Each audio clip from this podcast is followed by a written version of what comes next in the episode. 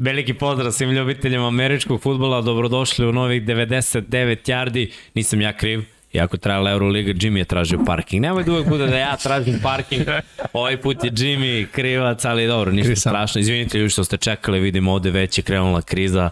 Zašto kasnimo 10 minuta? E, kako smo nekad postavili standard, kasnili smo i po pola sata, sada u poslednje da. vreme da. sve ide kako treba, pa... Tako je, dok ja nisam pokvario to da. večeras. Nadam se da nam nećete zameriti jer imamo mnogo toga o, o čemu želimo da pričamo. Prvo, o čemu bi ja počeo da razgovaram jeste odmah thumbnail, pa da pogledamo sve šta smo stavili na thumbnail i šta je obeležilo prethodnih desetak dana u NFL-u. I sad mnogi kažu Super Bowl je veći od ovog jarca, ali GOAT, GOAT ide u penziju. Stoga ja nosim ovaj dres New England Patriotsa i Toma Brady-a. Nekako deluje da, da je ovo vest koja možda u trenutnom momentu nije najveća, ali nekako će ona trajati duže od ovog Superbola, jer ovo je ipak posle 22 godine povlačenje Toma Brady koje je bilo malo neočekivano nakon mm -hmm. 5300 yardi ove dobre partije u divisionalu, ali ipak ekipa koja ga je porazila i ide dalje. Uh,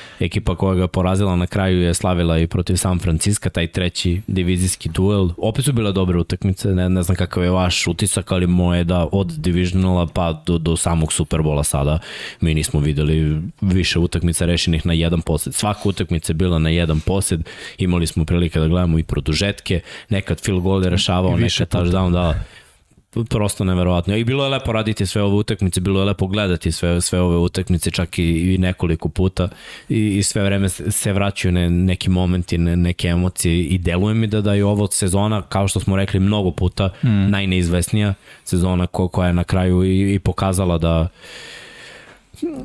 nismo mogli da pretpostavimo šta će biti u Superbolu i dobili smo ono što nismo mogli da pretpostavimo, a to je ekipa Cincinnati Bengalsa Tako koja je. predstavlja AFC i ekipa Ramsa, dobro, to smo videli u ne, nekim scenarijima jer jel ti igra se na SoFi-u, ekipa je skockana i za taj prozor od dve godine i, i na kraju se i našla u Superbolu, ali ovde je nam u pozadini nije LA, nije SoFi, nego je Vegas. Zašto Vegas? Trenutno traje Pro Bowl, ne znam koliko pratite sve to. Iskreno je Vanja, ja smo pričali, nama je najzanimljiviji ovaj deo koji je bio skill da. challenge da. i ovo sve da, da. što se dešavalo uh, juče i danas. Ako se ne pa juče bio ceo, ceo dan juče i skills challenge da. i ovaj precision pass, dodgeball, sve trka je čak i bilo prvi put da se trkaju i nevjerojatno da je Micah Parsons pobedio zapravo bez majice, bez ičega bio najbrži čovjek. Da, ali Terry Hill je... nije ni stao na liniju, pa je onda malo da, da. krenuo sporije, ali dobro, rekao je Parsons posle da je ipak Hill, naj, mislim svi znamo da je Hill nije morao Parsons ništa da kaže, ali mene oduševio Russell Wilson, ono, gledao sam ono, precizno. On je prvih 6-7 pogodio to ono 4 poena, korneri, da. ćoškarenje, pa onda ona petica kroz sredinu i to petica koja se pomera i levo, desno i gore dole. Trebalo je to pogoditi i onda je objasnio ono za jedan poen i onako nekako gledam i razmišljam da li je ovo onako pokazivanje koliko sam dobar, potpišite me, tradete me, ili je bilo ono, a mislim da svi Hawksi, vidite šta, šta sam šta ja, ono, to, ajde, dajte i meni ovo što imaju Remsi, ono ekipu za, za dve, tri godine. Mislim da svi znaju šta, šta i koja je Russell Wilson, ovo je bilo samo ono da pokaže da može i u laganoj izvedbi da bude uh, klasa nad, nad klasama, ajde tako da kažem. A rekao bih samo jednu stvar, da li je slučajno što se Tom Brady povukao na dan Prva vest o povlačenju Toma Brady na dan kad ja dobijam da poklon za rođendan sliku da, Toma Brady. Ništa nije slučajno. Rekao sam da jedini način da mu se odužim, mislim da mu se odužim. Kad se ja budem povlačio, bit će njegov rođendan. Eto. Može, Tako, znaš kad mu je rođendan. A onda ću da, pa ne znam, pa, pa ne, pla, ne planiram još da se povuče. Pa, da, naravno. Saznaći vremena. Pa i doći još, još i Justin Jefferson neko na svoj stil završio dodgeball ono, meč, da. hvatanje, spašavanjem lopte i dono pobedu ja baš volim skills challenge da gledam. Ok, Pro Bowl kao Pro Bowl utakmica super je ko igra i sve to, ali ovaj skills challenge je ubedljivo najzanimljiviji. Definitivno. Mislim, što se mene tiče Pro Bowl meča ne mora ni da se igra. Pa dobro, ali... ja ćemo ga gledati svakako. Znam. I, I, to, I to uživo. A bojce, re? Da, pa da, da. da. Jimmy, ja sam nice. Pro Bowl specijalisti. Da. Pro Bowl ekipa, već da. nekoliko da, sezona. Da, ja mislim... Možda je ovo treće ili ja druga? Mislim, ne, treće, treće sigurno. Treće, treće da. sigurno. A, pa, dobro, nice. Da, da. Do duše, ono, prve dve... Predstavnik KFC, predstavnik NFC. Prve dve, Orlando, ono, sa onom kišom, ja, da. baš je bilo grozno, ali sad su se opametili malo da, da, da stave ono, neku halu ili tako nešto, tako da baš očekujemo da, da će nešto biti. A bilo je čar posebno. Hawaii, to nekako je to bilo. Pa gledaj, ba, baš, baš dobro. bilo je iz više razloga. Prvo nekad se Pro Bowl shvata ozbiljnije, ali nije samo Pro Bowl, i All Star se shvata ozbiljnije. naravno. Ne samo ono All Star Weekend pa kao pratiš trojke za kucavanje, ovo ono, kada je NBA u pitanju, nego, znaš, do dođe utakmica i stvarno igrači izađu i igra se malo i odbrana. Bilo je atraktivnije, nije bilo full, nije bilo 100%, ali su se igrali napad i odbrana. Jednom je to postalo ono, trčkamo po terenu, zakucavamo, dajemo trojke. U NFL-u je bilo drugačije, igrao se pro bowl, ali bilo udarca, bilo je obaranja, napadi su igrali, nije tu bilo očigledne namere da, da neko nekog povredi, u, udari, razvali, ali se videlo da, da ima nečega. Sada je to ono, pipnemo se možda, da. Quarterbackovi odrade svoje, pa koliko igrača u poslednje 3-4 godine odbije da dođe na Pro Bowl. Toga nije bilo pre. Da, to je Nekad previše. je bilo pohvalno, ej, idem na Pro Bowl, to je to, malo s porodicom na Havaje, na odmor, malo sa ekipom, sa drugim igračima, mm -hmm. uh, da imam interakciju s publikom, to je bilo nekada. Sada najveće zvezde odmah odbiju to, krenu pripremu za novu sezonu ili odmor, pre te pripreme koja sledi, Da. ali mi nekako deluje da, da uvek gledamo rezerviste i da to nije tipa uh, odmara prvi ili odmara onaj koji je u Super Bowlu, već desi se ono po glasovima i prvi i drugi, pa možda i treći da kažu neću. Mladi igrači uvek prihvate, dobro, njima je to prestiž, Naravno. ali ovi Aj, matori, prvi put u životu. Da. Što da ne? ovi matori redko kada. Sve, Pa, tako evo- mi deluje u poslednje vreme, Pa da, da, evo- da se iskvarilo to malo. Nema Rodgersa, nije bio dobro Brady, ok, penzioni su, oni su bili, njih dvojica su prvi izabrani za Pro Bowl, nema ih. Mislim, to je malo bez veze, ali šta se radi. Ali dobro, meni je drago što vidimo ove mlađe igrače, što su prvi, drugi, treći put, oni, mislim, ima Holmes realno već koji, četvrte godine za redom, nije da on sad mora, ali i on se uželeo. Igrao je dve godine za redom Super Bowl, nije išao, tako da verujem da je njemu ovo prija. Da, ali skill challenge definitivno razlog da se Pro Bowl, da kažem, iščekuje. I super što su ga vratili, jedno vreme ga nije bilo. Da, da, i to je baš Nekada- bila greška. Da, da, i nekada je to bilo baš zanimljivo, bilo je i bench 100 kila, pa tako čini ko digne najjači. Više, da, da. Ja se sećam i kad smo bili klinci, ovaj, na, nama je to bilo vrh, ono kad smo te počeli Jeste. da igramo i onda te skillove kao da ubacimo nekad na trening, kad, kad su one pripremne faze, Da. na, znaš, ono kao, završili smo trening i ajmo sada, kao ili nešto s kombajna, kao, uvek ti je bilo lepo da vidiš pa da probaš šta može da se uhvati. I, ili nešto drugo, ali ono, u, sve u granicama mogućnosti, šta smo imali Tako od rekvizita. da. Ovu običnu loptu čujem. E, pa da. Imali smo i sanke par godina. Da, Nemoj da, tako. da, da, da. Ali dobro, uh, trajalo kratko. Šta smo još videli na, na ovom thumbnailu? Naravno, uh, Bengalsi protiv uh, Ramsa, nekako neočekivano moramo da se fokusiramo na, na taj Super Bowl pre nego što krenemo u analizu uh, utakmica. Naravno, tu je Goat, uh, put za Kenton, Biće zanimljivo, pazi, moglo bi vrlo lako da se desi i mora, mislim, trebalo bi i moralo da i Brady i Rotosberger budu first ballot Hall of Da. Fameri, s obzirom da su se povukli ove godine i jedan i drugi. I Brady sigurno, mislim, to Ne, ne, ne, govor. Ne znam ko je rekao, ko je izvalio od ovih američkih novinara, oplako sam, ali upravo je. On, lik je toliko odradio da treba ono prve godine da bude u Kentonu. Da, da, da, ono, odmah ono, sad. Znaš Nema čekanja. ovamo nema čekanja. Za Da. tebe, brate, nema čekanja. Jest. Pa, mislim, realno, ono, znamo da je na, najbolje svih vremena. Mislim, definitivno, nema šta. I ja da budem iskren, ono, kad smo prvi put čuli vest, koja nije bila u tom trenutku sa njegove strane potvrđena, ali s obzirom da je došla s njegovog profila, onog brenda, tako TB12, mm -hmm. mislim da su oni prvo objavili na, Na Twitteru, Twitteru, pa je da. to bilo 5-10 minuta, pa su oni povukli, pa je onda objavio Schefter, pa su objavili ovaj, on na kraju NFL objavljuje, bez da kažemo neke vrste zvanične potvrde Toma Bradya. Uh, moram priznati da mi odjednom u, u glavi bilo ono kao rupa. U smislu, kako bre, znaš, ono, bukvalno... e, Zašto? e, najviše, kako sada? Znaš, ono, pre si znao, ono, kreće Brady sa nekom, sa nekom ekipom, Patriote o, ili poslednje dve godine Buccaneersi, e, ima dobru ekipu, znaš da će ta ekipa biti konkurentna, znaš da će sad odjednom, znaš, ono, u mojoj glavi velika praznina. Pričam sa nekim e, drugarima s kojima sam igrao američki futbol i rekao sam, ok, ajde mi sad u ovom trenutku nabroj ono, a, ne znam, ajde, top 5 quarterbackova smo i nabrojali, ali već šesti, sedmi staneš i već počneš da ubacuješ neki igrače koji imaju dosta falinki, koji nisu to to. Znaš, nema Brady-a, koji je definitivno bio broj 1. Sad ne znam, kao sudbina Rodgersa, da li će možda se i on kao penzioniš, mada sumnjam, ovaj, ali već od šestog mesta, sedmog krećeš da nabrajaš igrače koji imaju dosta falinki u svojoj Koji su mnogo mladi.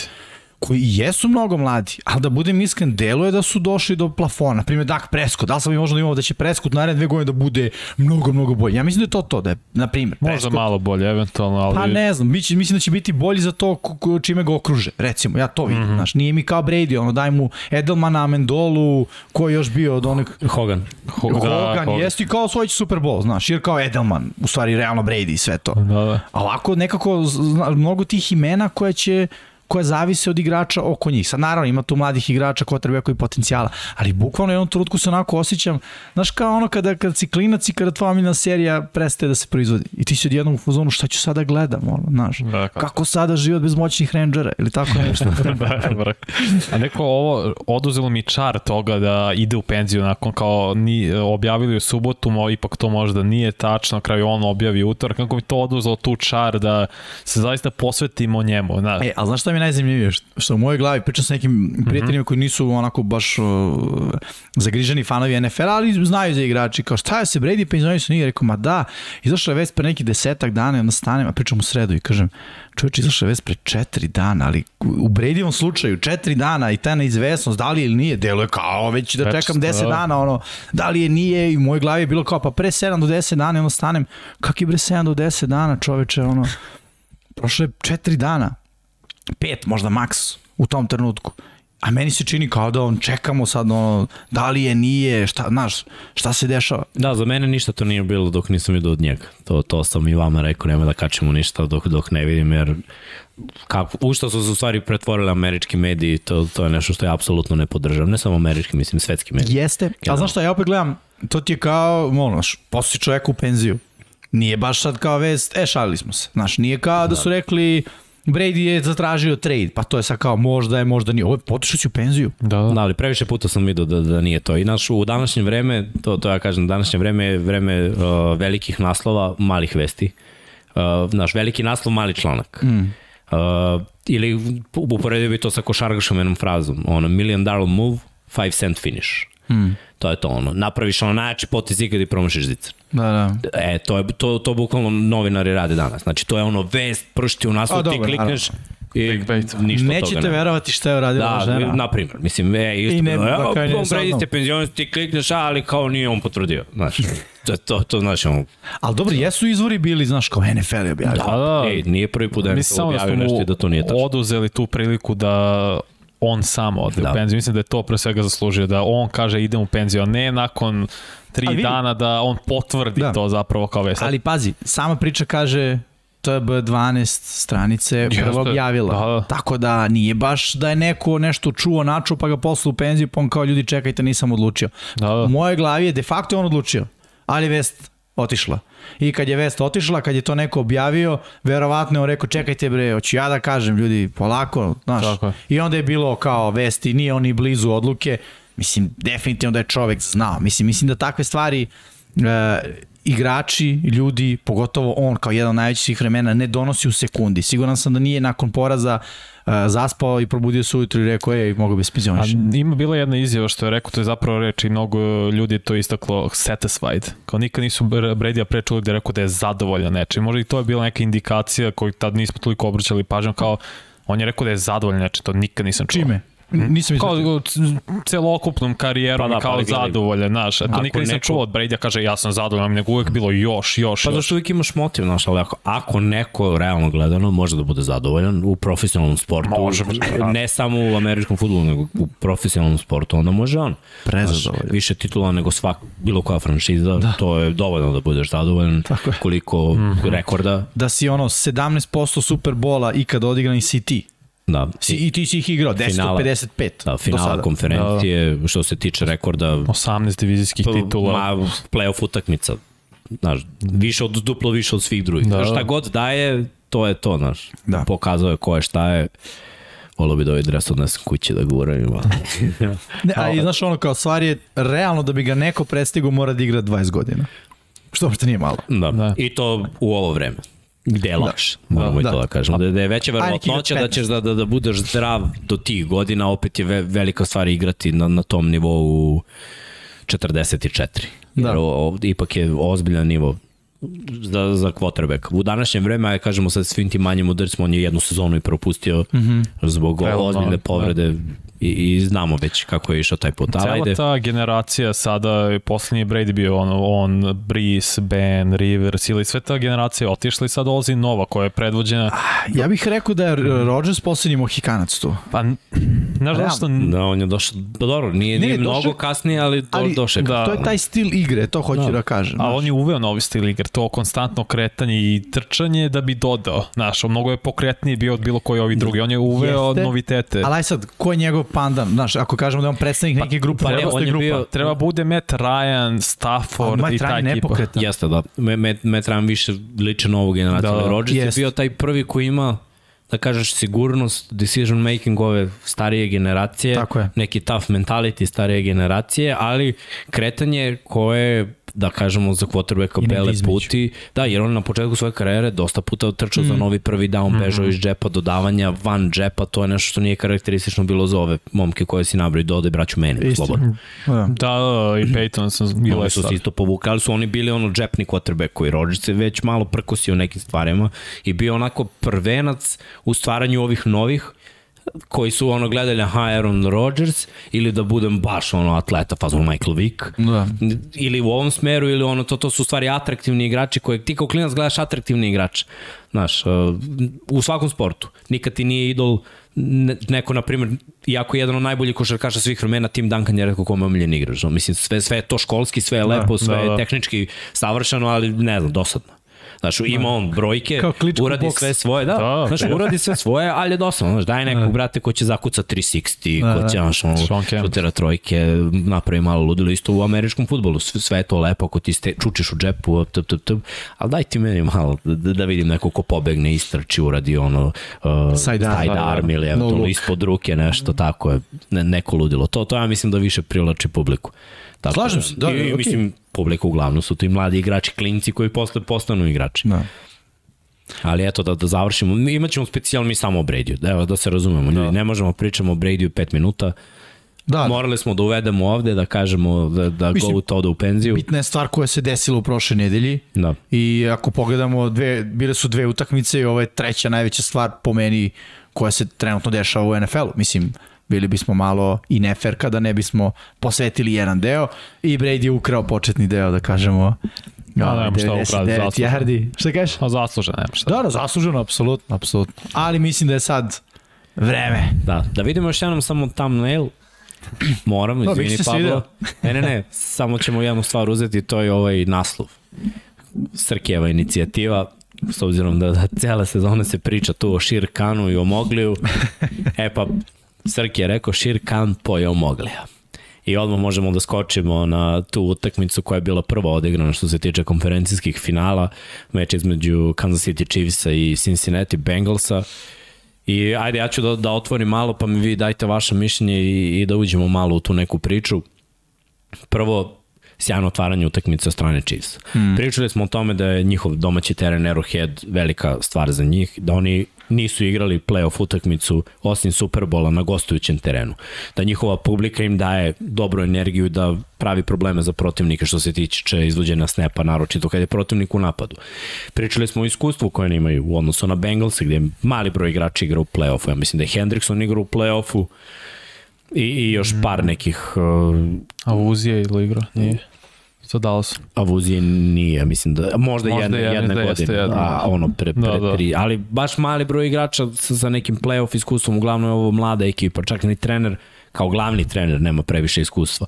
S druge strane imamo ekipu koja je, da kažemo, jedan od najboljih trenera svih Živi vremena. Tako je, ekipa koja ima najviše učešća, četiri puta u finalu konferencije oboli, oborili rekord NFL-a po tome. Otvaraju utakmicu jako, 7-3, 21-3. A onda na jednom skrinu dobijaju touchdown od eh, Semaje Pirajna. Mm -hmm.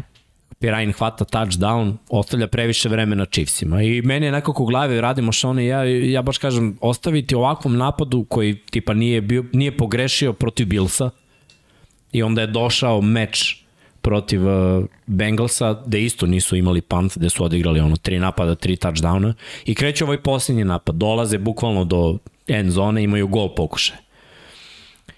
prvi, prvi napad ok, i nije bio toliko loš, delovalo mi je da, da, da ima tu priča ako se sve vreme dodaje u end zonu. I tu je baš bila najveća greška po mom mišljenju. Ako već ideš za 15 sekundi, 10 sekundi, nebitno, na što više pokuša, odmah u end zonu. Znači ide back shoulder fade, ide fade ili neka kombinacija gde bacaš loptu direktno u end zonu. Ne možeš da bacaš loptu 5 yardi nazad u nadi da, da će neko utrčati u end zonu. Dolazimo do momenta da oni imaju 5 sekundi samo, imaju jednu akciju, Reed sprema specijalni tim, nemaju više timeouta, specijalni tim kreće na teren, Mahomes kaže stani, nemoj, imam ja rešenje, i onda doda loptu 5 yardi unazad. U stvari, nije ni 5 yardi unazad, jer je Hill uhvatio loptu na nekih 8. No, mislim še, na 8 Ja mislim da je na 8. I da se zaleteo i stigu do 1 yardi. Vreme potrošeno.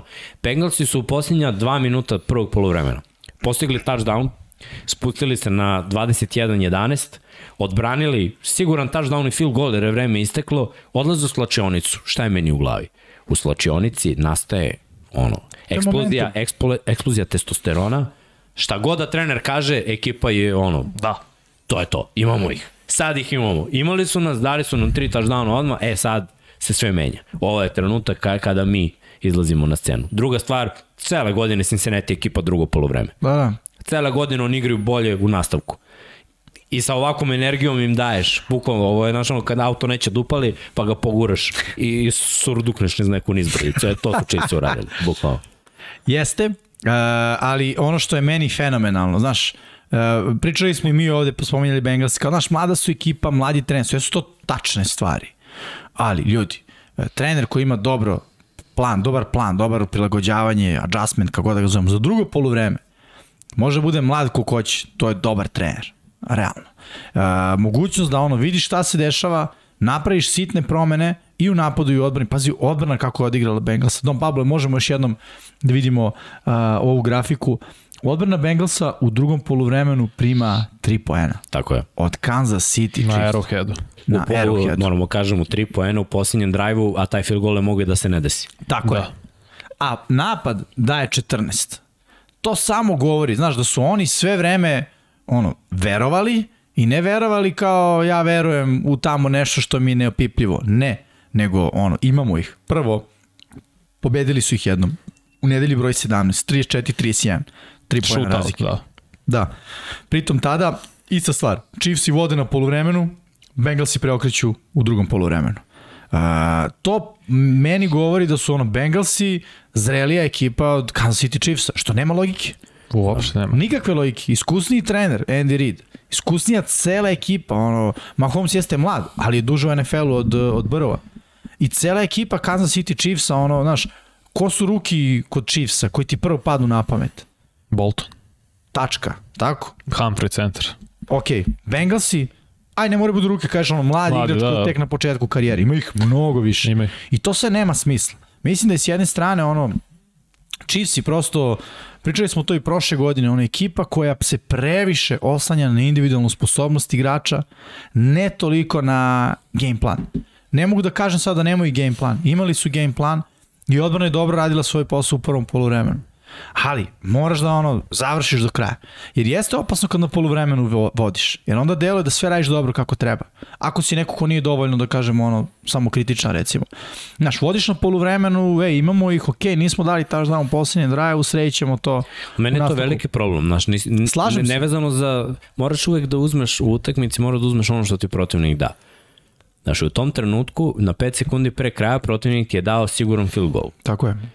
A ti želiš ono, leba preko pogače. Kažeš ono, nije mi dovoljno, hoću touchdown, razumem, ali onda mora da bude savršen dizajn i savršena akcija. A znaš zašto nije savršena akcija? Zato što su Chiefsi prepotentni. Mahomes je prepotentan. To, to je ono kad veruješ da si mnogo bolje nego što u stvari jesi. Jesi ti dobar, ali veruješ da si još bolje od toga. Znaš zašto mi se to što sam vam rekao, individualni kvalitet. Yes. Stvarno ga imaju dosta, ali timski sport. Možeš da imaš 11 sjajnih individualaca. Ja verujem da ćete pobediti i sjajnih, ono, jedan tim sjajan ćete pobediti kad imaš 11 individualaca. Vratit ću se na Bengals, nije ovo karakteristično da mlade ekipe u drugom polovremenu igraju toliko bolje. Nije Ob, obično je obrnuto. Prvo odmah na prvo vreme nagaze, pun kas i posle spadnu. Tako je. što se dešavalo dosta puta, ali Bengals je baš suprotno to radi, to bi sve pohvale Zach Taylor više. Koliko god je on mlad trener, mislim ima 36 godina, ali se on radi nevjerovatan posao, a Chiefs su sami sebe upucali noge. Tako je. I Ovo, vidi, taj drive poslednji, to je neverovatno da ti McKinnona nisi iskoristio koji je imao uh, solidna trčanja, nije sad toliko bila da, da je odbrana Bengalsa dominanta, Bila je u drugom povremenu, ali McKinnon je igrao dobro do tada i mogu se njega da iskoristiš, ni, ni mali bek, može i dešava se da probije prosto ofenzivnu i defenzivnu liniju i to je jedan yard, to je jedino, to je na Andy Reidu. Moraš ti da obuzdeš Mahomes ako on već kaže idemo, kaže kao ne, ne idemo. ali znaš koja je su stvar? Uh, mislim da to ceo, ceo, celi, ceo tim Chiefsa je građen na, na onome što je Miksa rekao, ta stil, ono, prepotentnost, u smislu, ej, ja imam Nisu jedini. Nisu jedini. Nisu jedini, Mislim da je naravno. današnji trend u NFL-u da trener mora da stane iza i quarterbacka, ne igrača, nego baš quarterbacka, jedne pozicije. Da mora da stane iza njega Pozdravite kad on, Staley. kad on želi nešto. Znaš, I mnogo puta smo videli, nije samo Staley koji je ono kao Ivan Herberta idemo na četvrti za 20 naše polovine. Nije samo Harbo idemo na konverziju za dva poena, on, za, zato što ja verujem u svog kotrbe. Ko je tu? Da li je Lamar, da li je Huntley, nije bitno, mm. idemo, to je to. Verujemo u mog kotrbe, verujemo u moj tim. Andy Reid je pravi primjer toga. U mnogi quarterbackove je verovao. I sad dolaziš do ovoga, Mahomes je ipak ostvareno neko ime, dečko MVP, Kao najbolji to- igrač lige, ajde da se. I veruješ da, da, da će doneti dobru odluku, ali ne zove Mahomes akciju. Tako je. Zovu Bienemy, odobrava Reid. Ne možeš da imaš motion koji završava izvan end zone. Pre end zone. Mora da, mora da završi bar na prvom pilonu. Pazi, ja sam siguran da ta akcija nije bila dizajnirana da ide lopta odmah Hill. Ali ne, gledaj, Jer je prošlo 5 sekundi. Razumem, ali malo je naivno i uopšte da, da postoji bilo koja opcija van. Slažem se. Šta je pojenta? Da izvučeš defanzivce i da stoji na liniji end zone, šta? I gađaš nešto preko. Da, mislim da, znaš, tu, mislim da je u toj akciji da nije 5 sekundi do kraja, da ono, Tariq Hill je check down na samom kraju, da uzme i onda pošto je veliki prostor među njega i DB izbaci jednog osvoji koliko god i to je sjajno, na nekom trećem za šest. Ali na uh, situaciji Za pokušaj za gol, situaciju, grozna akcija. grozna akcija. Grozna akcija za zašto? 5 sekundi za pas akciju sa motionom koji očigledno ima za cilj jednu stvar, da odvuče nekoga, tako da ti kupi vreme, ako to propadne, da baciš na kraju njemu. 5 sekundi je malo. Tu ono, im treba barem 7, možda i 8 sekundi. Tako da slažem se s tom. Back shoulder Loša fade. akcija. Back shoulder fade traje dve sekunde. Tako je, stavi Uzmeš Kelsija. loptu, uzmeš loptu, šikneš fade. Jeste, stavi Kelsija jedan na jedan, napuni boks unutra sa ono, ne znam, stavi dva još ofanzivna linijaša, neka deluje da je goal line, da ćeš da daš svom trkaču, stavi Kelsija jedan na jedan, bam, loptu šibnije njemu. Ako ne uhvati loptu, dve sekunde je ostalo, šutneš tri pojene, doviđenja. Tako je. Mislim, realno, to, je, to su prave akcije, a razlog zašto ta akcija nije pozvana, mislim da je ovo što je Miksa rekao, ono, vera u to, svemoćni smo. Ma da, ne mimo smo, to je možda, znaš kao, Da. to je možda još jače. I onda dolazimo do treće četvrtine, kada se ruši apsolutno taj ofanzivni ritam. Kada uđeš u jedan negativni ofanzivni ritam, da vidimo opet onog Mahomes iz prvih sedam nedelja, koji je u fazonu neću da trčim na stranu i da bacim loptu na prvom downu, da imam drugi za 10, nego ok, ići ću levo, desno, levo, desno za minus 10 yardi i imat ću drugi za 20. A onda ću baciti interception, jer ću bežati na stranu, vidjet ću defanzivnu tekla i bit ću u fazonu defanzivni tackle da mi uhvati interception, nema šanse. I onda dečko izblokira dodavanje Da. i uhvati interception i daš im poene. Daš im jedan touchdown. Tako. Ili field goal, nije ni bitno. Šta god da im daš, dao si im, poklonio da. si im. I daš im momentum. Tako je. I onda oni- oni samo preuzimaju. Preuzimaju, kreću, efikasni su, pronašli su foru u odbrani. Uh, mnogo bolja igra. Mislim da da drugo pozivanje akcija mi je bilo toliko katastrofalno u nekim situacijama da imaš igrače koji nose ekipu i njih stavljaš u drugi, treći plan i pokušavaš da razigraš još neku.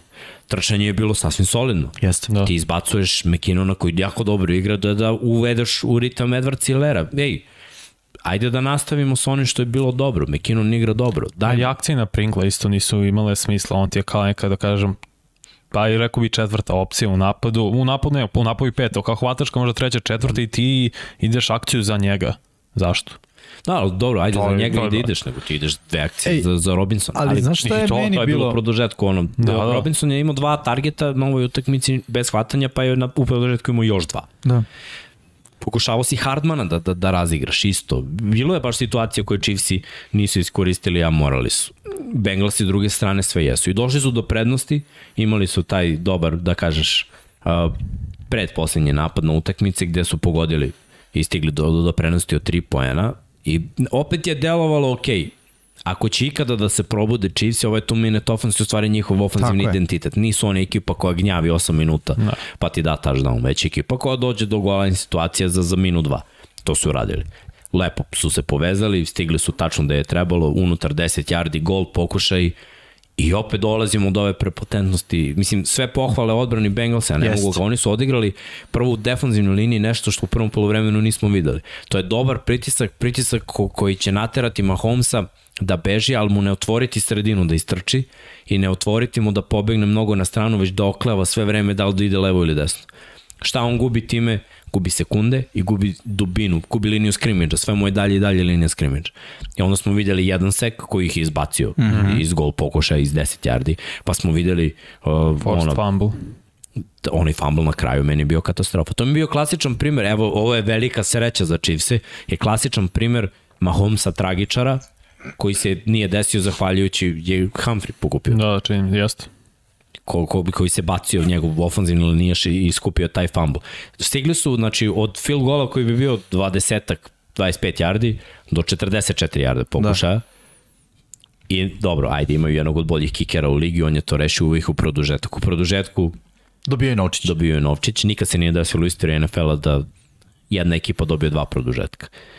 Ali imali su prvi napad. Prva akcija Robinson. Dva targeta, nula hvata trči loš pet out. Jako sporo izlazi iz breaka. Druga akcija, Robinson trči slant 1 na 1. Apple ima loptu rukama za, za ćavu da. pick six ili i da padne field goal, ćao zdravo. Nije uhvatio.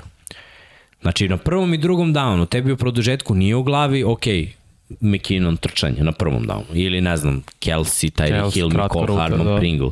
Nego momo koji ima 0-2 da ima 0-4 da. i treća akcija na trećem downu ti je bunar za 40 yardi koji ide u double coverage, savršeno, mislim, između dva safety-a, ja ne znam ko je bolje odreagovao ovde, Bates, ono levom da, rukom, Bates, prelepo pijenje, između, da. ili Bell koji je sve, sve to lepo ispratio i skupio sa, sa tolikom nekom lakoćem da je baš bilo šmekerski. E, a zašto sam htio da kažem? E, odbrana Bengalsa. Odličan, znači, Mahomes je, i bilo je situacija u drugom polovremenu, da ima vremena. I ima vremena. I onaj pritisak e, odbrane Bengalsa, često smo vidjeli čak i sa tri defanzivna linijaša. Da, znači, ostam u coverage Ostam u coverage da. tako je. Jer realno ima smisla. Daćemo Holmesu vreme, ali zašto mu nemaš vreme protiv Blica, ako igra on, on će da te demontira. Potpunosti, znači nemoj da blicaš.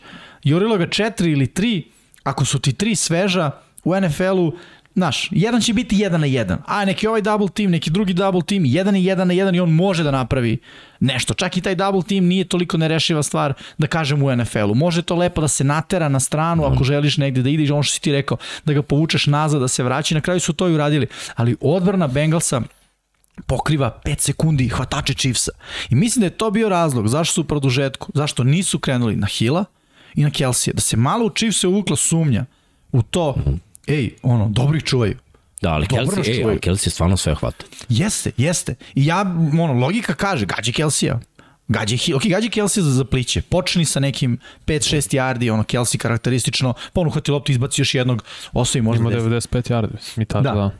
Ali o, i pad 11 targeta 10 hvatanja. Da. Znači, što kaže Miksa, odlično, sve je hvatao.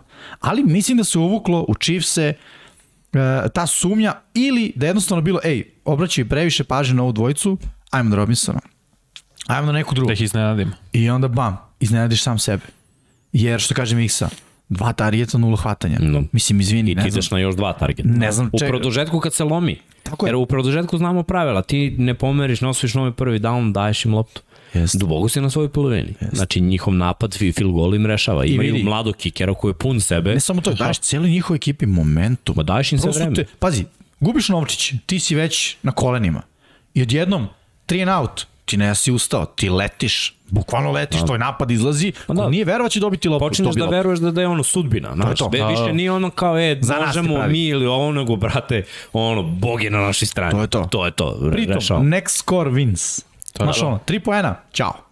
Daš da ne pričam. Situacija, Znaš, da. odjednom se stvari menjaju od toga da ono kao, e, ako, da, ako, da, ako primimo tri poena imamo šanse, ako primimo touchdown, gotovo, odjednom se menja na, ej, šta god damo, kraj, pobeda, pobeda idemo dalje.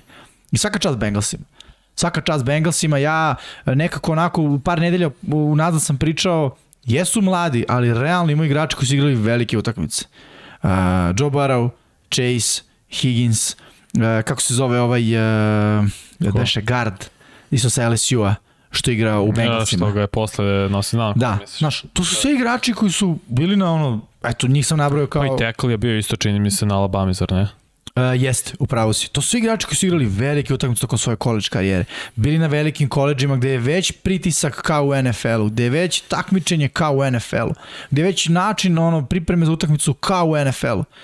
I ono, svaka čast za, za, za, za draft selekciju, za GM-a Bengalsa, Da, da. koji uradio posao. Pa da, on je krenuo od nule. I opet moramo da kažemo, pre nego što je doveo Buro, a ekipa je baš bila raspad. Onda je doveo Buro, a ekipa je... A nije bila raspad, ali nije bila dobra ekipa. I dalje je tu mnogo toga falilo. I onda, je, onda se nekako sve skockalo ove sezone. Playmakeri, draftovati playmakera ne mora da znači da, znaš, da, da uvek moraš u prvoj ili drugoj rundi. A oni su ubili nekoliko dobrih playmakera. I imali su nekoliko srećnih situacija. Uvek kažem, meni je Mixon za njih Treba runda. situacija. Da. Jer on je pao u drugu rundu Zbog zbog, problema. gluposti van terena. Da, da. je realno po kvalitetu, po talentu pik prve runde i to Jeste. prvih 15 pikova. Što bi ono bio, što, ovo je krađe za njih. Chase, ruki u double coverage-u. Šta ti to govori? Da, da Higgins sa 1,95 je sam. Koji je realno treba isto bude prva runda. Tako, Tako je. I on je imaju, isto tako, je, krađe. imaju Bojda koji može da, da, da se pojavi tu i tamo mislim da ju Juzoma kad se povredio da, da je to bio malo hendikep veći za njih, ali ovaj Sample je uspeo to da Inače- nadomesti u par situacija. Fun fact, uh, Duke Tobin, koji je GM Bengalsa, njegova majka je s naših prostora. Da, to si napisao. Konkretno da, iz Srbije. Fenomenalno. da, preko. Da. Tako da, ono, ne znam šta to znači. Odradio je strašan posao. E, jer gledaj, nikad se u NFL-u nije desilo. Quarterback preko 4000 yardi, dva hvatača preko 1000 yardi i running back istračano preko 1000 yardi. Da svi imaju manje od 26 godina. E, to imaju Bengals. Plus ofenzivna linija nije toliko dobra. Pa je objektivno da gledamo. Da, imaju jednog od najgorih desnih teklo. Da, prosečna je linija. Ono, zove na sek. Da. To treba mu piše napred na adresu. Dozvoljavam sek. Sec this way. Da, da, bukvalno. Ali bukvalno, ali nema veze. Sve, sve je prošlo. I opet da, da pohvalim pre svega defanzivno, tu promenu taktike, osam defanzivnih beko ili osam igrača u, u Mm, coverage coverage, da. Da, da kažemo to i ofanzivno sve vreme vera, prvo bih pohvalio Bura, ovo je jedan veoma inteligentan meč odigran. Svaki put kada je čekao dve sekunde video je priliku u sredini da on krene ka liniji scrimmage. To uvijek pričamo, mladi quarterbackovi uglavnom to ne vide. Ne vide zato što ne veruju. Moraš da veruješ i, i da prepoznaš koji je coverage u pitanju. Chiefsi su mnogo puta ove godine pokazali, iako im je bolja odbrana, da dobar quarterback može da ih rastavi. Bura je baš bio dobar quarterback na ovoj utakmici. Uh, mi- mislim da, da, da je on jedan od najpocenjenijih mladih zvezda, da ga je ovaj put do Superbola lansirao lagano mm -hmm. top 10 quarterbackova mm -hmm. trenutno u NFL-u. Da. Sada kad, kad moramo da otpišemo Toma Brady za sledeću sezonu, ja ne mogu da kažem da Buro neće biti top 5, jer igrati u svoj prvoj pravoj sezoni nakon povrede, imaš sezonu i po, da kažemo, Da. i ti si doveo ekipu do Superbola. Oko tebe ekipu? učinio igrače boljim igračima. Samim tim si ti bolji igrač. To vidi ekipu koja je pre dve godine imala koliko? Četiri pobjede, ne? Ta, po, ta ekipa je imala pre dve godine prvog pika na draftu, prošle godine top 5 pikova. Da, da. Znaš, to je loša ekipa. To, Da, da. top 5 najgorih ekipa u NFL-u, dovesi ih do Superbola. Mm -hmm. Nisi samo ti, mislim tim je i do, do, sve je napravljeno onako, ali ti si morao da, da iskoračiš i odigraš na malo višem nivou i baš je to urađeno. Onaj uh, back-to-back pokušaj da, da se da touchdown preko Chase, tu se vidi sazrevanje od uh, prvog downa do drugog downa. Ili je bio drugi, treći, mislim da je bio drugi, treći. Prvo dodavanje, želeli su comeback. Nije gađao zadnji pilon. Bacio je nešto između back shouldera, dobra odbrana. Mislim da je Ward bio protiv njega, nisam siguran, ali dobra odbrana, sve u svemu nije prošlo. Odmah sledeća akcija, back shoulder. Znači odmah skupi u hadlu, recimo da ga ne pretrči, recimo da budu u egalu i dodaje loptu na zadnje ramo gde će on da se odrazi dok lopta još put. Ili je pass interference, Tako je. nova četiri poguš ili je touchdown. Touchdown, Ali da. quarterback to mora da vidi i da da savršenu loptu, hvatač mora da odreaguje. I, i ono, LSU konekcija. Tako je. Koliko puta na treningu si to uradio? To je bilo dnevno po, po pe- 10-20 puta sigurno. Na koledžu uzmi- pa u NFL-u. Tako je. savršena egzekucija, ali bilo je potrebno i jedan i drugi da imaju tu egzekuciju. Slažem se. Mo, moram baš da pogledam, no, mnogo mi je ekipa Bengalsa onako bila simpatična ove sezone i nisam verovao u njih, zato što su mlada ekipa i ispostavilo se u posljednjih, pa ako se ne varam od Chiefsa, da mlade ekipe ne mogu da, s mladim trenerom to, mlada ekipa, da. mlad trener, malo iskustva ne ide u NFL-u. E pa Bengalsi su nam pokazali da, da može, ja, ako su pravi mladi igrači. Ja samo mislim da ukoliko osvoje Super Bowl ove godine, da su da može da im se desi sudbina Chiefsa jer će realno odjednom on imati Barrow, Chase, Mixon, Higgins, sve zvezde. Znaš, odjednom su, ono, mislim, Chase je već zvezda, jako ruki sezoni. Da. Možda ako osvoje, može da ih desi sudbina Chiefsa, to je ono sledeće godine opet dobar pot, ono, do, dobra cela sezona, play-off, e, odjednom bam, iznenađenje, neko ih iznenadi. E sad, može i ne mora. Mislim, daleko smo od toga sada pričamo. Ali, Uh, ono, baš sam skoro sa jednim prijateljem pričao, eto, ne prati NFL i diskutovali smo tako, ne, ne, ne znam šta je bila tema i ja kažem kako generalno sistem je zanimljiv u Americi, kao ti sa, sa koleđa imaš priliku da odeš u profesionalce veoma mlad i onda staneš i razmisliš sa aspekta ono, društva, sa zamisli imaš 24 godine i imaš ono, milion mesečno. Realno si onako solidno predodređen da failuješ u životu. Uh, to može da se desi i Bengalsima. Kad si mlad i doživiš ogroman uspeh. Znaš, postoji ona kora od banane koja te čeka na svakom koraku. Ili, ili grabulja. Ili grabulja, tako je. Kao ono Clay Matthews kad je pričao, e, Pekesi su čini mi se njegovi ruki sezoni osvojili uh mhm. -huh. Super Bowl on je rekao nakon toga, ja sam rekao, o, svake godine. Više nikad nisam vidio Super Bowl. No. Nikad. I nije jedini. I nije jedini. bilo je, bilo je baš dosta primjera u Jer zapravo NFL. je mnogo teško. Znaš, ono kada, šta su Patrioti radile? Back to back. Ili bilo je ekipa, ajde da kažemo, u poslednje, u poslednjim, ovaj, uh, u poslednjem nekom periodu oni su bili ekipa koja je back to back, Seahawks i takođe back to no. back da uđu u Super Bowl, da uđu, Patrioti su osvojili. Uh, to je mnogo teško u NFL-u preteško. E, to može izvesti sledeći godin, ali nećemo pričamo o tome, mislim. Finale konferencije ući teško, evo, četiri puta su ušli Chiefsi, mm. San Francisco sa Jim Harbom ušao tri puta, tri to je puta, mnogo tako. teško, Jest. baš teško. Jeste. Patrioci su pa da. imali, ja mislim, dvocifreni broj da. ulazaka u Ne znam da su imali za redom, ali u, u, u određenom periodu da, mislim. Da, mislim da, da je bilo od njih, uh, nije bilo za redom, ali kada se uzme Ja mislim da jednom ili dva su preskočili. Da, da, da. I to dovoljno da. za, za Strašović. Hoćemo dalje? Pa možemo, ajde što nas osvrnemo na statistiku, samo da, da, da prođemo, pošto imamo dve utakmice, realno, taj individualni učinak, uh, Mahomes nešto manje od 300 yardi, 275, 3 touchdowna, dva interseptiona, to je ta nesigurnost koja, koja ga je pratila od početka ove sezone i eto, možda neki naznak da, da kad kreneš sezonu na jedan način, koliko god da je promeniš u sredini, izgleda da, da, da mora da se završi onako da. kako je počelo. Opet i za Bengalse možemo to isto da kažemo. Da. Krenuli su dobro. Tako je. I dva touchdowna Burova, da. jedan interception, 250 yardi. Pohvalio bi svakako trčanjem Miksona, koji je bio jako dobar na, na ovoj utakmici. McKinnon s druge strane dobar, ali nedovoljno iskorišćen. Da vidimo da su preko 20 nošenja dali Bengalsi, a McKinnon samo 12. ali nije prvi put. I pričali da, smo da. o tome da, da Chiefs znaju da totalno prestanu sa onim što im dobro ide. Higgins je imao preko 100 yardi, ali zahvaljujući Chase-u koji je bio double coverage. Je, ne, pa to. Tako je, ali coverage. opet i Chase, be, z obzirom na toj double coverage, imao je touchdown preko 50 yardi, to je skroz okej. Okay Kelsey i Hill, to je ono što smo očekivali od njih po touchdown i tu negde oko 100 yardi. Ali na kraju ko je rešio? Rešio je njihov kicker Bengalsa, Eman McPherson i to, to je meni u stvari priča. On ipak mora u produžetku na, nakon svega da, da izađe na teren, opet su mu mrnuli na desni hash, dečko je izašao i sad ono, razmišljaš. I guess we are going to Super Bowl. e, da, to, to sam baš i rekao, to sam rekao, prenosu, da, rekao, zamisliš, ako je ono rekao da, na prekonoj utakmici šta li je rekao sad. E pa nisam siguran baš da je bio da. toliko ne, ja sam ubeđen. moćan, a? Da, Mislim ja da jeste. Da, pa nisam mogao da čujem, ali da. verujem, verujem da jeste. Tako da, eto, to je neki utisak 27-24 nakon produžetka. Bengalsi Od 89. nisu bili u Superbolu, oba puta su igrali protiv San Francisco i 81. i 89. Završila se ova utakmica, počinje San Francisco protiv Remsa i sad Sean i ja završavamo ovaj meč, ono, da li se istorija ponavlja? da li će opet igrati protiv San Francisco? I ulazimo u tu utakmicu, utakmica gde 49ersi gostuju na SoFi-u protiv Ramsa, ali uopšte nije delovalo kao da je ono gostovanje jer je bilo 50-50 Jest. što se tiče navijača i meč počinje nekako boljom energijom 49ers.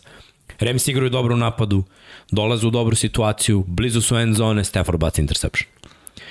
Ono, delovalo mi je malo kao forsiranje, lopta se odbija, uhvaćena lopta pri, pri bloku Stafford je dobija jedan ozbiljan udarac, kacigom u kacigu, lepo ga je, ne mogu setim ko je bio, da, da li Warner ili Lalšir, ali Mislim da je Warner, ne Warner, Warner. nekoga je baš ono nokautirao, lepo ga spustio na zemlju i delo mi ono, ok, kad baciš taj interception u, ono, u finalu konferencije, a tu si, tu si zato što nam trebaš da, da odemo do Superbola, da. druže iz kuleri, nemoj da ideš da obaraš. Ima ko će da obori. Ono, tek je počela utakmica, prvi, prvi napad. Nema, nema potrebe da, da ti tu glumiš nekog defanzivnog beka, ali sve se dobro završilo, nije bila neka strašna povreda. Kažem to zato što je Stefan baš preživao mnogo povreda ove sezone, mnogo udaraca i delovalo mi ono, nije baš pametno. Da. 49ersi uzimaju loptu, ništa pretarano nisu odradili u tom startu. Bila onako počela utakmica tvrdo. Kao dobro se znamo, već smo i jedni i drugi prošli svašta ove godine. Znači gledali smo utakmicu gde su Remsi vodili 17-0, pa je bilo 17-17, bio je produžetak, baš je bilo svega i svačega.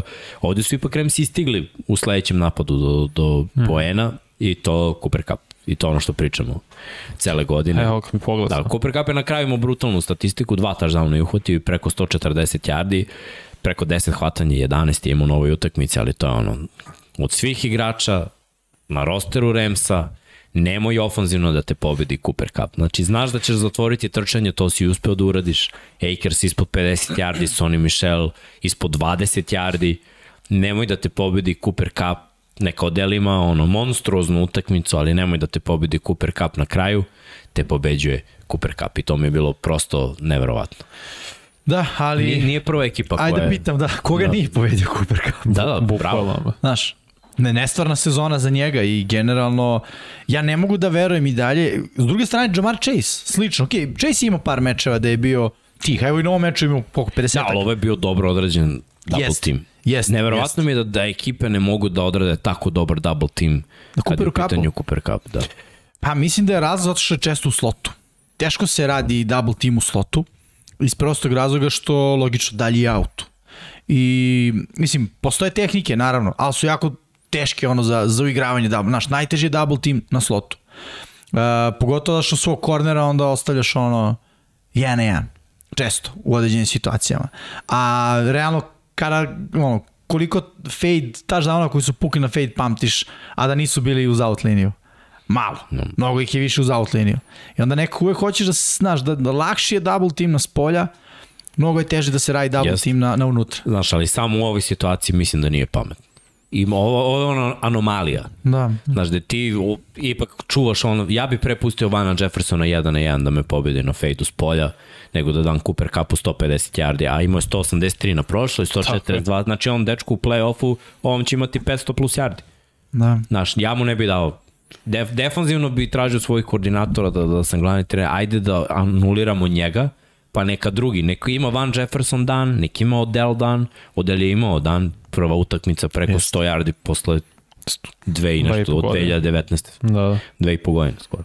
Što je ono tek neverovatno. Ali da kažemo da, da je ekipa Remsa povela, ali se desilo ono što se dešava cele sezone. Pad u igri. Da. Koji se desio odjednom uh, i uh, ja mislim da su to 49ersi dobro iskoristili, pravovremeno jedan, jedan screen pozvali kada je Debo Samuel istračao touchdown i, i krenulo je malo da, da prevaginje na njihovu stranu. Imali su 17-7 u jednom trenutku, 10 pojena razlike. Da li je četvrti, dovoljno? Četvrti, da. Da, ali u prvom polovremenu ja mislim još bilo. Mislim bilo u prvom 10-7. Da. Možemo da imamo Don Pablo Da, da. grafiku. Mislim bilo 10-7. Da, to ćemo da... Jeste. Da, 10-7 i onda na startu treće četvrtine je. 17-7 i tu je već delovalo, ok, ova utakmica ide na, na vagu 49. Šta su Remsi dobro radili tokom čitave utakmice? Što inače nije baš karakteristično za njih. trčanja. Odbrana protiv trčanja, da. Da. I sad ja se pitam da li je to možda zbog, eto, malo je ozleđen bio Williams, ma, i, ili je samo toliko bilo dobro punjenje gepova i, i ono, svako je znao svoj zadatak, svako je svoj zadatak odradio Znaš šta ja mislim da je? E, ali, ajde, izvini, Odlučili su- samo da pitam Aha. ovo, no, šta je karakteristika igre napada 49ers? Pa dobro, ve, ve, prvo da krenemo pre izvođenja snapa. Ok, krećem pre izvinjenja veliki snapa. broj motiona, Jeste. uglavnom su svi blizu ofenzivne linije, Jeste. uvek imaš fullbacka ili tight enda, a ako ne i dva hvatača na sve to. Znači, Jeste. mala širina formacija. Redko kad vidiš 49 su u spredu, osim kad jure rezultat, Tako je. ali ovde vodiš 10 razlike pa nema ni smisla da izlaziš u spredu, već si tu negde. Jeste. I uglavnom trčanje između teklova. Uglavnom. Dobro. E sad, ono, ja da hoću da ih zaustavim, rekao bi ja izustavim utrčanje. I to su Ramsi uradili. Bukvalno to od, odustali su od tolikog pritiska na quarterbacku, jer sa, jajno rade raš sa četvoricom, rekli, ok, pustimo ga, Garoppolo nema potrebe njega pritiskamo, da je zaustavimo ono što će nas ubiti, što nas je ubilo poslednjih tri godine protiv 49ersa trčanje. I oni samo tamo prilagodili, odustali od pritiska na quarterbacka, ok, branimo, igramo protiv trčanja i tako ćemo da se postavimo. Mislim, mi, su imali samo tri puta quarterback udarac, ni jedan sek i to je, ne zato što ne mogu, neko što su fokusirali, je 50 yardi smo dozvolili trčanje. Ja bih rekao, naj, najjednostavnije rečeno, uvek imaš uh, dve, uvek, imaš minimum dve uh, taktike koje može da napadneš protivnik. Prvo je fokus na najjače oružje uh Mhm. -huh. i drugo je fokus na najslabiju kariku.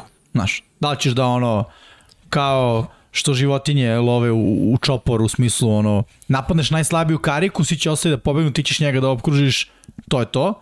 Ili ćeš da se fokusiraš da napadneš najjače oružje, to im zaustaviš i nateraš ih da te pobede sa onim što ne znaju da rade. Što rade slabija i tako da kažemo. I Remsi su ovde, čini mi se, rekli, ajmo da napadnemo oružje. To je ono što ti rekao. Čini mi se da svi cele godine protiv Remsa igraju šta je najslabija karika u napadu Remsa. Pokazalo se Matthew Stafford. Oni sami znaju da odustanu od trčanja, redko koga će pobediti trčanjem, par je meča bilo gde su trčanjem izdominirali, uglavnom je to ono balans, fokus na pas, u pas igri koja je najslabija karika, Matthew Stafford, baca, tar, baca interseptione, zna da je famblira i sve ostalo. I svi su bili u fazonu, ajmo fokus na njega jer previše ostalih oružja u napadu. I zato niko nije zaustavio kap. Možda će Bengalsi biti mišljenja, ej, ajmo fokus na najjače oružje, to je realno Cooper Cup, jeste odel velika zvezda, jeste odel neverovatan hvatač, ali de facto pogledaš brojke, pogledaš celu sezonu, Cooper Cup je broj 1. Da. Igrač Remsa u napadu, to je to. E sad, igrač ligi u napadu. Igrač ligi u napadu, tako je. A, e sad je, znaš, ono, pitanje šta će uraditi Bengals u Super Bowlu, ali ovde su Remsi, kada pogledamo tu sličnu situaciju za 49ers, rekli, ajmo da izustavimo ono što dobro radi. I ja mislim da je to dobra taktika. Jer zašto? Ako ti cele godine nešto radiš dobro, uh, tebi to uliva samo, samo pouzdanje. Ti znaš da tvoj quarterback nije vrhunski. I znaš da ima slabosti u svojoj igri. E, onda odbrana proti koje igraš ti zaustavi najjače oružje i kaže strpljivo ćemo da čekamo da Jimmy G uradi Jimmy G stvari. Da. Koji je u poslednjem drive uradio. Mislim, ono nije mora da, Da. da baci. Ni, pa dobro, mnogo toga nije. Ali ajde, doći ćemo do poslednjeg drajba. Da, da dalje ostanemo u ovoj trećoj četvrtini Da. gde je 17-7. I gde 49ersi nemaju baš rešenja. Možemo opet grafiku, Pablo. Gde trčanje baš ne ide, evo pogledajte statistiku, znači to je sve ispod, oni su ekipa koja može da trči 200 yardi, a ovde su ih sveli ispod 50 yardi. Gde, gde ne znaš ko bolje trči, da, da, da li Dipo, da, da, da li. Miče, tako je. A pazi, Dolazimo do četvrte, momenta- izvinim što se prekim do četvrt, četvrtine, Goropolo igrao sasvim solidno. Nije on sad, je, Jeste. i, ništa bio vao, ali je držao konstantno, ima dva touchdown dodavanja, bio je, je precizan Taj- do nekle. ali je- Taj za 17 realno- je bio dobar read i dobar Jeste, pogodak za ovo Ali je- on je realno, ono, što kažu, accident waiting to happen. Da. Jeste. I opet gledaj kak, kakva su to bila dodavanja. Bio je jedan onaj po, jedan pokušaj da, da li je bio Will ili, ili bio Fade s polja uh -huh. za Juka, to je bilo jedno dodavanje. Sve ostalo se dešavalo unutra u sredini. Što Remsi cele godine otvaraju. Znači u prvoj utakmici Dibo je na, na taj kao option između dva safety kad, je, kad su široko gore u dvojici. Dibo je uhvatio loptu, ispržio ih dao touchdown na kraju. Ovde je imao Kittle za isto to dodavanje, promašio ga je za, za 10 yardi. Možda nije za 10, možda je za, za 7, ali, ali promašio je otvorenog čoveka, safety je bio i suviše duboko, linebacker je ostao dole, uvučen blizu lin, linije scrimmage. To je dodavanje koje kvotrbe koji zarađuje pa i ono 20 miliona po sezoni, kvotrbe koje je playoff kvotrbe, mora pogodi. Ovo se, to se pogađa na ono, evropskom nivou. Ne možeš ti da, da napraviš takvu grešku. Možda je to kao sad samo jedno hvatanje, ali nije samo jedno hvatanje. Vrlo je važno. U ovoj utakmici sve što je jedno je vrlo važno.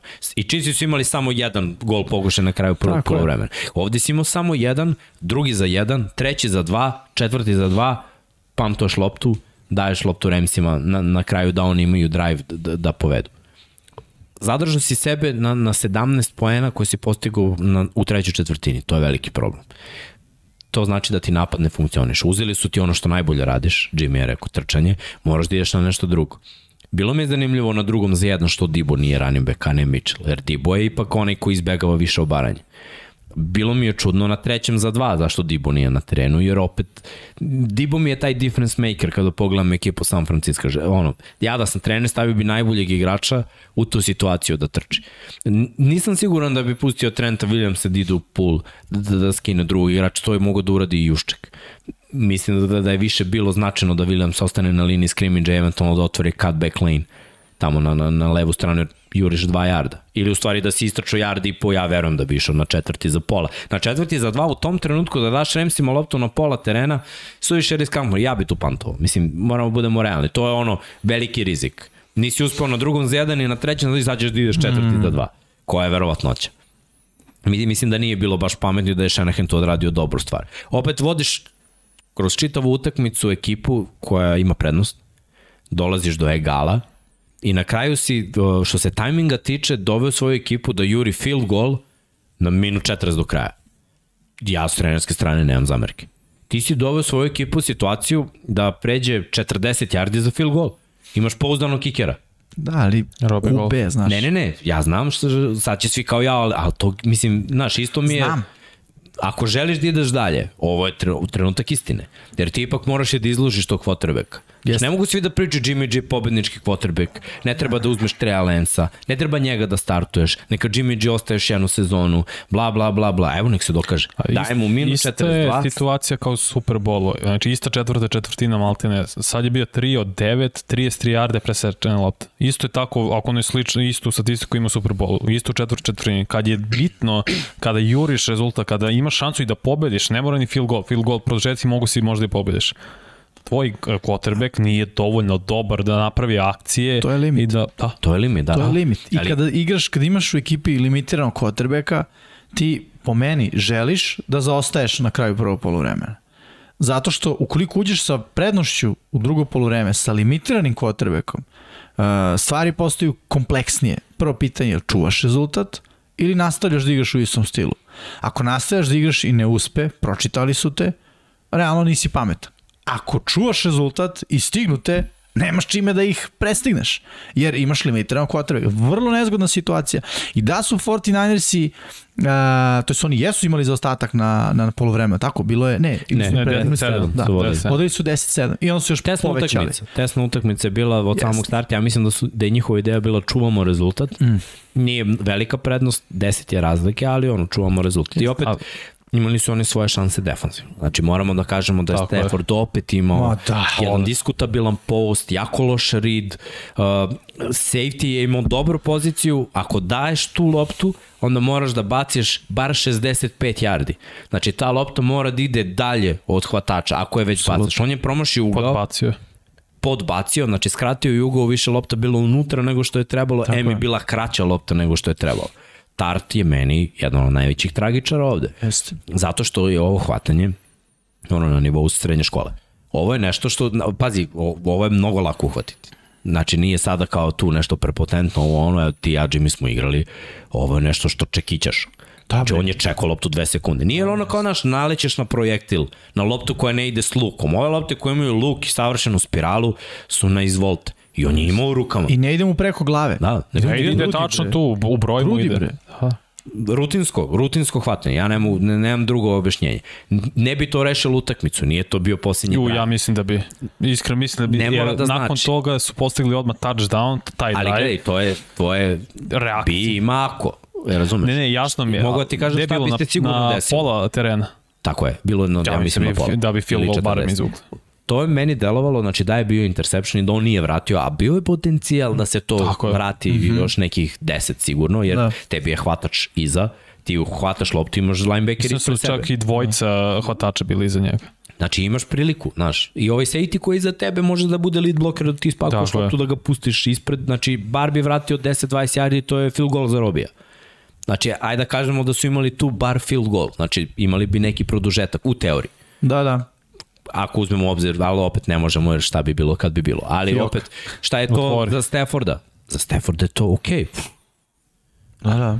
Znaš, dobro je, dobro da. je. dobro je sad, sad ono, imam jedan kamen ono, sa srca manje, sad, sad, možemo, sad možemo da idemo dalje.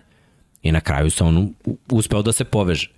Povezao se sa Odelom za preko 100 yardi, povezao se sa kapom preko 100 yardi. Na kraju je Stafford ispao malte ne heroj. Ah, Mo, mo, znaš, kako on igra, igra riskantno, ali o, to je taj gunslinger fazon koji je mnogim quarterbackovima doneo Super Bowl. Znaš, nisi ti mogao da kažeš za Favra da, da je sve bilo dobar read, dobro. Ne, nekad nije dobar Istina. ovo. nekad je hm, moj igraš na postu, double coverage, da. bam! Znaš, ono, biće. prođe heroj, ne prođe, mnogi pričaju o tome da ti nisi taj, ali na, proći će jedno. Da, da. Nije jedini. Zato mene Stafford neodoljivo posjeća na, na Breta Favra koji je svoj jedan Super Bowl. Bio je MVP tri puta, Stafford nije igrao gore ekipe, ajde da. i, i to da kažemo, ali, znaš, neka dodavanja, Favre iz Minnesota mogu da odu u Super Bowl, da nije na desnom autu bacio loptu kroz sredinu. Istina. Da, da.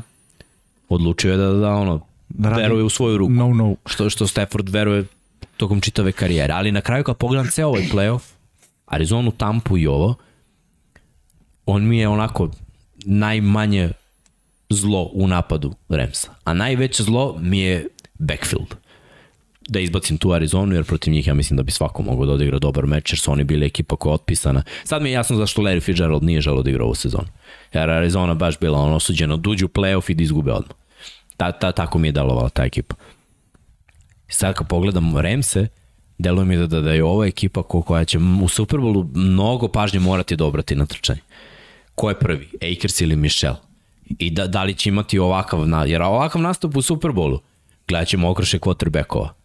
Gledat ćemo Stafforda, koji ono možda greši ili ne, s druge strane ja mislim da, da Mixon može da igra. Veliku Znaš šta ja mislim? Mislim da ćemo u Super Bowlu, ali neću puno pričamo o tome jer imamo Da, da, cijelu jednu nedelju. Da. Ovaj, ali mislim da ćemo u Super Bowl gledati odbrane. Jer jednoj i drugoj ekipi, šta god možemo da mislimo, ali odbrane su razlog e, zašto su ovde gde su. Znaš, odbrana Bengalsa se sabrala i primila tri pojena u drugom povremenu Chiefs.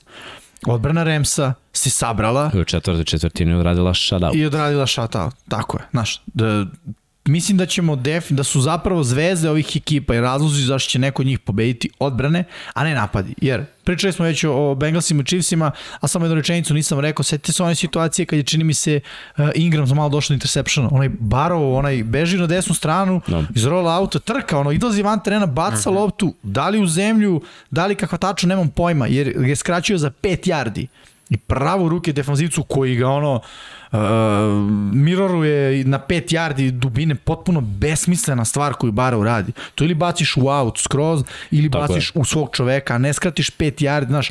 Tu je moglo da, bude Velika potpuno glupost. drugačije. Loša odluka, lo, loše Vrlo dodavanje. loša odluka, znaš, što isto Stafford ima u sebi. Da. I- Ali to je ono veliko, veliko vera u stvari u, u sebe. Meni je za- u situaciji Barova delovalo baš on panic mod u tom trenutku. Ne, ne, nema to on često situaciju da radi, uh, ali u toj situaciji mi je baš delovalo panic mod i da je bilo isto ono za njega. Da. Dobro je. Da, je njegovo je, pazi, ali njegovo je produkt neodlučnosti, ja mislim, da li wow, da li njemu, a za Stafforda nije neodlučnost. On je znao šta hoće. Da, da. On je znao da hoće post. I taj post interception smo videli koliko puta ove sezone. Jesmo. Koliko puta smo videli njegov pick six interception, gde ono, on zna šta hoće, on baci. Ja, On, znaš, on se ne libi da baci. E sad šta je bolje? Zavisi kakva je utakmica. Odbrana. U kom trenutku, znaš, u kom trenutku ti smeš, jer ja da kažemo da jedni i drugi da izjednačimo odbrane, mm -hmm. ono imaginarno da kažemo, dobri su jedni i drugi defanzivno. U kom trenutku utakmice, na kom delu terena ti praviš tu odluku? Da, da. Da, da veruješ toliko u nekoga, u sebe ili, ili, šta god, u taj pokušaj koji imaš. Možemo još jednom da vidimo ovaj statistiku. Don Pablo Na kraju Stafford preko 300 yardi, dva touchdowna, Jimmy Garoppolo 232 i taj posljednji napad je ono, prvo je krenuo loše za izvođenjem lopte, pa je bio, bilo dodavanje za minus jarde Minus i na tri. kraju ono, ne znam, lično bi pre, prihvatio na trećem downu sek. Prvo to hvatanje za minus jarde je potrošilo 25 sekundi, što je apsolutna glupost. Znači, kao quarterback, kako već imaš priliku da vidiš da je sve propalo, šiknu loptu out i onda skupi huddle, pozovi pravu akciju. Mislim, imaš neko iskustvo. Jeste. Mi sad već pričamo o Jimmyu Garoppolu kao iskusnom uhvatila quarterbacku. panika. Ma naravno je uhvatila Da je panika, to vidi, bilo... u njegovoj ono, glavi Tako je. minut 40 je kao u Bradyovoj glavi 5 sekundi. On kaže, nema vremena. Znaš, zašto bacaš loptu na, to je potpuno iracionalna odluka, lepo si rekao. Bacaš uh, pas ka čoveku, potpuno besmisleno, na minut 40 i čini mi se su imali timeout, tako? U flat. U flat. Ne, u tom trenutku ne. U tom trenutku nisu imali. Ok, Imali su jedan timeout kad je krenulo minuta. Bilo je, 42. bio čovjek u polu seku, bukvalno samo se izokrenuo i ga. Potpuno besmisleno. Znaš, zato što u njegove glavi minut 40 je malo vremena. U Mahomesove glavi to je sasvim dovoljno, u Bradyove glavi sasvim dovoljno. Ima dosta quarterbackova koje, pa i čak i Stafford, minut 40 je sasvim Da, dovoljno. ima, da. Da, da. Za Jimmy G-a, barem 4 minuta. Ja mislim da bi Stafford doveo ekipu, da je obrnuta situacija bila da je 20-17 za 49ers i Stafford imao loptu na 25 To bi do yardi. Ja mislim da bi doveo do Videli smo protiv Tampe. Manje vremena, tačno. to je to. Tačno, znaš. I u tome, i tome je stvar, uh, s- ono, Jimmy G-a. I sad je veliko pitanje bila je su vesti da 49ersi rade na tradu i to. Njega kogod uzme, uzit će ga za prelazno rešenje. Pa Mislim, bridge svima je, quarterback, pa da. da, pa da, svima je, svima je jasno da on ne, nema kapacitet. Znaš, da je on dovde stigao i sada i prošli put zbog tima i zbog ono, Kyle coachinga. Shanahan, da. Da, Da. to je to. Aj sad, pitao bih vas u bojicu. Koliko je ovaj poraz 49ersa na, na dušu Kala Shanahan? Ima i toga. Mislim, ima i toga. Koja odluka ti se nije svidela i šta bi promenio u vođenju ove utakmice? Pa ono što sam, što sam nekako, što sam bio rekao u jednom trenutku, ovaj, uh, sad ok, ajde, te stvari ne možeš kad ti se otvori da, da ne uzmeš, ali mislim da je taktika morala da bude bolja za drugo polovreme. U smislu, ono, 49ersi su ekipa, oni su morali da jedu sat. Morali su da imaju dugačke drajvove. Ali trčanje baš nije. Nema Znam. Vidi, znam, ali znaš ono... Trče, oni su, nije bilo odustajanje od trčanja. Da, to da. mi se svidelo. Pa, Za Ali razliku nisu Onako. imali, nisu imali dovoljno. imali Možda dovoljno da vidim, mislim da su imali, Mislim da su ispod Dipo 20. imao 7, a ne znam koliko ima dao Šest, jedan, pogledaj, ispod 20 nošenja Dipo i a Ali Jimmy pogledaj- G je bacio 30. Tako je, ali mo, moramo, moramo da pogledamo malo nadome, kako se nadomesti trčanje skrinovima, kojih je bilo. Jest, Jest, okej. Ne, ne, istina. bilo, bilo je ono, kad se spoje skrinovi ali sa vidio, ovima, mislim, je opet, bilo 20. opet nije bio dobar game plan, jer Ali pogledaj top prosek. hvatač ima Tako četiri je. hvatanja. Tako je, ali pogled, odbrana Remsa, ja i dajem s- sav respekt, ali mnogo napada se na ovoj utakmici je bilo ono, 3 na out. Mislim da je bilo i dosta toga što su Gledaj znaju trčanja kako Mitchella. su igrali prethodni i bili su ono, ok, mi smo svako fizikalniji, doći će to trčanje. Znaš. Nado, mi ćemo da naš, našu, da kažem, ono što kažu amerikanci, will na njima da stavimo, ali Rams Ali ovaj baš put nisu došlo. popustili. Pazi, u jednom trenutku Mitchell je imao i, i, i ono, jedan i po yard po nošenju. Da. To je užas. Mm. Mislim, s jednim i po yardom ti samo potrošiš 40 sekundi. Jeste. I onda na drugom downu, znaš, kad uzmeš 3 yarde, na drugom downu uzmeš u obzir da trčiš. Kad uzmeš 1 yard ili 0 yardi, što je bio slučaj mnogo puta, onda ideš na pas. Mislim da su morali još samo trčanje. Stvar- Stvarno znam i razumijem iskreno se, ali mislim da su prosto zbog njihove fizičke igre, pogotovo ofenzivne linije, moraš još na trčanje. Moraš prosto da nastaviš da ih gaziš, iako igraju bolje trenutno od tebe, nadigravaju to, ali moraš da nastaviš da gaziš. Iako ne ide, ne ide, ali I moraš je, još. po meni su trebali malo više da koriste RPO. RPO baš zato, znaš, jer ako ti neko zaustavi trčanje, šta to znači? Da je mnogo blizu liniji skrimidža. Da bi dobro zatvorio rupu, moraš da budeš bliže liniji skrimidža, iskoristi to. Znaš, uradi RPO, povuci, gađaj Kitla, A gađaj linebacker i Ajuka. Ramsen nisu uopšte Elitni. neki elitni, Da, nisu, daleko od nisu. toga. E, mislim da će to biti sledeći korak sledeće sezone sa ovim, eh, kako se zove. Lensom, da. Taj RPO. Uh, I da, da bi to trebao da bude smer, znaš, nema tu sad drastičnih promena, nema tu sad oni postaju uh, ekipa sa pet hvatačkih opcija, spread napad i to, ne, ne, ne. Ne. isti napad, pa dobro. Isti Neće napad. menjati to šene. Tako je, znaš, samo dodaš to što je ovaj mlađi, što na tom RPO Može može, da ako, tako je. Da ono, ran nije tu, pas, možda fejkuje ko Lamar, ako se ovaj digne, on istrči. Znaš, da daš taj triple option da ubaciš sa njim. Što Da. sa Garopolom nije, mislim, Garopolo može Nisi da istrči, Ma ne ali donošenje odluka u tim situacijama nije bilo ba, ono, da nije isto, mislim, ali posljednju godinu na koleđu Trelanica imao 42 touchdowna, niti jednu izgubljenu loptu. Da, na kola. Nakon ne, sve, sve ok, ali vidi to je opet na znak... Koleđu. Da, North Dakota State. Opet znak donošenja odluka. Mislim, kako god ti da igraš, ti da nemaš ni jednu izgubljenu loptu. Iskreno, mislim to da mu je, baš big deal. mislim da mu je pomoglo ovo sedenje na klupi Da, da. Slažem i ovo na kašičicu što mu je Shanahan dao. I znaš šta je isto Miksa? Što je došlo do finala konferencije. Da. I to pomaže. Znaš, kad sediš na klupi u velikom meču, Znaš, nisi samo sedeo na klupi u luzerskoj ekipi. Tako je, mnogo toga vidiš. Druga stvar, kao što kažemo, neće se menjati sistem uh -huh. i onda kad se ne menja sistem, ti si malte ne jedan mnogo već bio da. u tom sistemu ruki godini, tako da u svojoj prvoj pravoj godini, koju ne zovemo ruki, ali da kažemo da ti praktično jesi ruki, ulaziš sa ozbiljnim znanjem uh -huh. sistema uh -huh. i onda će se neke stvari menjati, ali drugo, znaš playmakere, imaš hemiju Znaš, i to je nešto, znači, već poznaješ igrače, oni poznaju tebe. Tako da ovo može da bude dobra stvar baš za, za San Francisco što se tiče kepa i generalnog menadžmenta, znači za njih ja previđam ono, svetlu budućnost. Jer sumnjam da Lens može da bude toliki promašaj. Ako bude promašaj u sledećoj godini, daće mu ono, priliku još godinu dana. Sigurno. Ali ovi playmakeri će ostati tu. Oni su roster malte ne doveli ono. To je to. To je to, jeste što, što je vrlo dobra stvar. Što se Remsa tiče, domaći teren, SoFi, da. finale konferencije, domaći teren, Super Bowl. Iako će Bengalsi nominalno biti domaćini, treba reći da, da je to opet velika stvar za grad. Grad koji je prihvatio dve ekipe, mm. dugo nije bilo ekipe u LA-u, već vidimo sada, znaš, ono, postavlja se neki standard, ono, zvezde dolaze, očekivanja su velika, ekipa je puna zvezda, sad, da li su ono playmaker ili, ili zvezde, to, to je ono baš bilo zanimljivo kad smo pričali, to je Vesić rekao. Moram da kažem i da su i playmakeri i zvezde.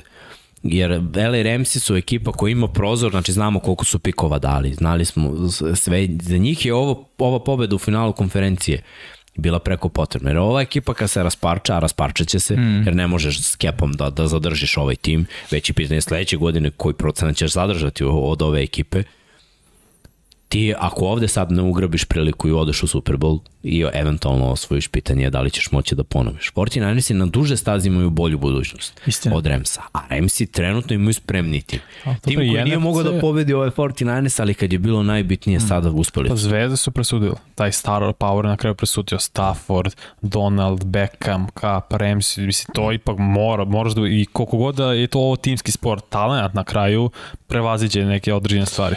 Znaš, ah Šta znam? Ja mislim da je tako i u NFC se otvara sad, Brady otišao u penziju, Rodgers znak pitanja gde šta, Wilson isto da li će ostati neće, pa, mislim Sean Payton iz Saints se, po, se penzionisto, to je opet veliki minus Saints, baš, NFC se baš otvara i zato imaju naravno dve godine, možda i tri Ramsi priliku, ok, mi da budemo favoriti. Šta, ja ipak verujem da je ono, da, i dalje verujem u onu, ja mislim da je to stara, ajde da kažem staru, dobar si koliko ti je dobar najbolji igrač. I, znaš, Misliš najlošije? Dobar si, što sam rekao koliko da, ti... najbolji. Ali najgori, najgori, uh, da. Dobar si koliko ti je dobar, naj, najgori. najgori igrač, tako je. Uh, jer u napadu 49ersa, to je Jimmy G, u napadu Remsa, u odbrani Remsa, znaš, nije tolika razlika i tako. Rekli smo, linebacker Remsa nisu elitni, ali nisu ni za kantu u tom smislu, znaš, da jesu, mnogo bi to više škripalo. Znaš šta se meni najviše svidalo kad sam gledao ovaj sound effect? Sound effects sa, sa utakmice. Mm -hmm. Kada ide posljednji napad i McVay prilazi Bonu Milleru i Vedlu koji stoje jedan pored drugog. I prilazi kaže prvo Vedlu, zbog ovog si tu. I ovo ide na teren. I onda priđe Bonu Milleru i kaže zbog ovog si ovde. Zbog ovog smo te doveli. Da. Zbog ovog posljednjeg drajva, zbog ovog play-offa, zato si ovde. Zato smo odradili trade. Zato sam te vratio posle dve godine iz penzije. Da. Nemaš Super Bowl. Idi uzmi, su, idi uzmi plasmu na Super Bowl. Nemaš, imaš Super Bowl, bio si MVP, nije ti se svidilo u Denveru, hoćeš da ono... Hoćeš još. Hoćeš još. Idi tamo. Donald koji motiviš ekipu je na trenutku skupio onu odbranu, gledaš ti one poglede, brate, oni su puni besa, oni znaju da to je to. Ova ekipa koja nas dobija konstantno, ova ekipa za koju nemamo rešenje. Sad je trenutak. To je to. Ovo, ovo je u stvari naš prozor. To, to je nešto što mi imamo i mislim da, da su bukvalno znali uh, ono, u tom trenutku nije bilo najslabije karike. U, u tom trenutku se sve je. nekako stopilo. I postala samo jedna slaba karika na terenu, protivnički quarterback. Da, I to da. se ispostavilo na kraju. Tako je. Tako da ono, znamo Ramsey protiv Bengalsa i time bi završio pa da pređemo na, na naš sledeći Svonce. Malo smo Malo smo odužili, ali nemojte zameriti, ovo ipak finale konferencija, ovo su ono dve, Mora. da kažemo, najbitnije utakmice pre Superbola. Pa možemo da idemo na naše džokere, tragičare i heroje. Prvo ćemo krenemo od džokera. Bam, Daj, bam, Paolo, Da, ti Higgins odmah, on bi se čovjek iskoristio to što je Chase double teamao, ima preko 100 yardi, bio, imao je čak i nekoliko hvatanja baš direktno za prvi dan. Pomerao da. konstantno lance i kad je bilo potrebno, pokazuje se kao hvatač broj 1. Tako, imao nekoliko teških hvatanja. Znači, da. to je bilo čovek na leđima, lopta visoko, iskoristio ono što si tu. 6-5, duge ruke, mislim, to je to. Zagradi se, uhvati, to je to. Da. Meni je McPherson da budem iskren, gledao sam kući meč i on izlazi na teren i meni u glavi, ma mora da je rekao, guess we're going to da, Super Bowl. Pa I zato što sam ono, verovao, u, u, mislim verovao, kad sam ga video, nekako mi je super priča, realno rukije. I koliko da. pogođenih field gola u play-offu? Da. I 12, tako? Ili 13 da. čak? Znaš ko je posljednji ruki koji je to uradio, otišao u Super Bowl i mm. osvojio. Jel tako? Justin Tucker. Da. Justin Tucker. Da. Znači, znači ono, dobar kiker da. je dobar kiker u ruki sezoni. Nema ono koja treba mu ovo ono. Da, da. Godinu ranije, godinu dana ranije Baltimore izgubio na field goal od New England u finalu konferencije, jer je kiker promašio field goal i New England je otišao u Super Bowl. I te godine je bilo ono priča da li će Raid da se povuči ili ne. Draftovali su, znači, Takera Taker sledeće godine u toj ruki sezoni izdominirao, kroz playoff izdominirao i na kraju. I bukvalno gledam copy-paste priču sa, sa McPherson. Mm. Znači, dečko koji je pun samopouzdanje, koji veruje, ekipa ga je prihvatila. Znaš kada te ekipa prihvati? A igraš kikera. Igraš kikera. To big deal. Da, za no. nekima delo je to smešno kao i kikeri imaju dušu i sve to jeste, ali dušu, hijerarhijski oni su uvek tu negde ono na, u ćošku terena. Bottom feeder. Znaš ono, gađa u mrežu tamo negde u ćošku da nikom ne smeta. To, to je ono, kiker i panter, to, to je njihovo. Ja, McPherson ima odlične trick shotove na koleđu. To ljudi... Meni drugari kad im pokažem video ne veruju, kaže to je montaža. Da, znaš kako je Ja sam sa postao, ne znam sad da li da verujem da je to Ne, to je sve legit. Ja mislim da jeste. No, ima dobri ljudi, bre, imaju skillove. Samo što ono, kod na, u, u svetu vlada generalno neverica o, da. od kad je ovo moderno doba mm. usledu, znaš, ne veruješ ni u što što ne možeš da uradiš. Ali neka treba verovati u, u neverovatni talent. Idemo dalje. Tvoj. Ćemo moj, a? a da. Pa, odel. Mora da kažem odel. Ne samo zbog ovih 100 yardi posle dve godine i kusur. Nego neka energija. Znaš, deluje mi da, da je opet onaj lik pun samopouzdanja da je to opet onaj lik koji u momentima kada treba zabeležiti sigurno hvatanje će biti tu gde treba da bude. I videli smo ono, meni je obeležilo utakmicu ono njegovo prvo hvatanje kroz sredinu, jedno kad je dobio udarac i drugo kad je bilo helmet to helmet pa 15 yardi na onih mm -hmm. 29 kad je, kad je trčao fade. To mi je bilo okej. Okay. Ide lopta koja nije baš idealna, lopta koja je nisko, znači ili je klizaš i hvataš je gore, ili pokušavaš da je uhvat. Prvo, to ti je dilema dok takva lopta ide, nije idealna on lepo kliza, hvata loptu sigurno šakama, dobije helmet to helmet. Znaš, treba zadržati tu loptu. On sve to radi, dobija 15 plus yardi. Iz te akcije 45 su profitirali Remsi. Da, da. Velika je stvar tih 45 yardi koje su oni dobili. I ovo je još jedan potez gde me koje mogu da kaže zato smo te doveli.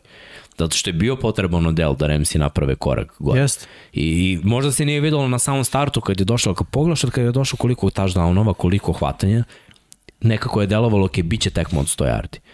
I ono, on je taj faktor promene. Sa Woodsom si znao što imaš, sa Van Jeffersonom si znao da to nije dovoljno. I, i trebalo ti je još nešto. Dobio si ono što si tražio, dobio si Jokera. Zamenu, ono, da. bukvalno. I Crkijev, Joker su da. Cincinnati Bengalsi, odnosno njihova odbrana. Mislim, pričali smo već o tome, odličan da. posao u drugom poluvremenu, prilagođavanje, a, kontrola Mahomesa u smislu a, i vremena koliko imao da baci, ali ne samo vremena, već i tog pomeranja njega levo, desno, jurenja u backfieldu s druge strane. S jedne strane, s druge strane, defanzivni backovi, linebackeri koji ono, dali 8, dali 7 ljudi, ali pokrivaju vrlo nezgodne hvatače Chiefsa i uh mhm. -huh. ono, legit Joker. Ajmo dalje. Sledeći su nam tragičari. Stiže, stiže jedno zvonce, pa idemo na tragičare, a bilo ih je. Da. Ali smo uspeli da ovaj, svedemo samo na četiri. Vanja, Start, pa nema, ja mislim da je on Super Bowl ispustio onim, to je zapravo umalom interceptionom. Bukvalno sam ubeđen da bi San Francisco makar uzeo field goal, mm. Stafford odmah mentalna prepreka, opet sam bacio presečeno kad nije trebalo, tad bi bilo koliko, dva, a da su uzeli field goal, bilo bi 20-14. Ne. Ne, 20 bi oni imali sa, ne, da, ne znam u tom trenutku. Mislim da je bilo 17, 13, čak ako su išli tađa. Ili je možda bilo izjednačno, ali svakako bi oni imali, imali 20. bi prednost i dodatni pritisak na Stafford da baš da te presečeni tar bukvalno ispušta jedno od lakših lopti koji možda imaš za interception. A to je game change. Da. To je nešto što je prvo, ima moment uvek koje promenu. Meni su dve akcije odlučili, oba. Da. Po fil, ovaj, Kansas City napad poslednji u polovremenu, u prvom polovremenu i ovaj Da. umalo interception. E, uvek je tako, gledam onaj road to Super Bowl, a ono, setim se nekad kad nije bilo ono, ni, ni digitalne televizije, ni, ni interneta, to se ono, na CD-ovima od čoveka do čoveka da. je išlo bukvalno i setim se imao sam tipa od uh, 70. pa tamo do 2006. 7. Kad, kad sam to gledao i onda sam gledao svaki, bukvalno u NFL-u svake godine ta priča, uvek je to jedno.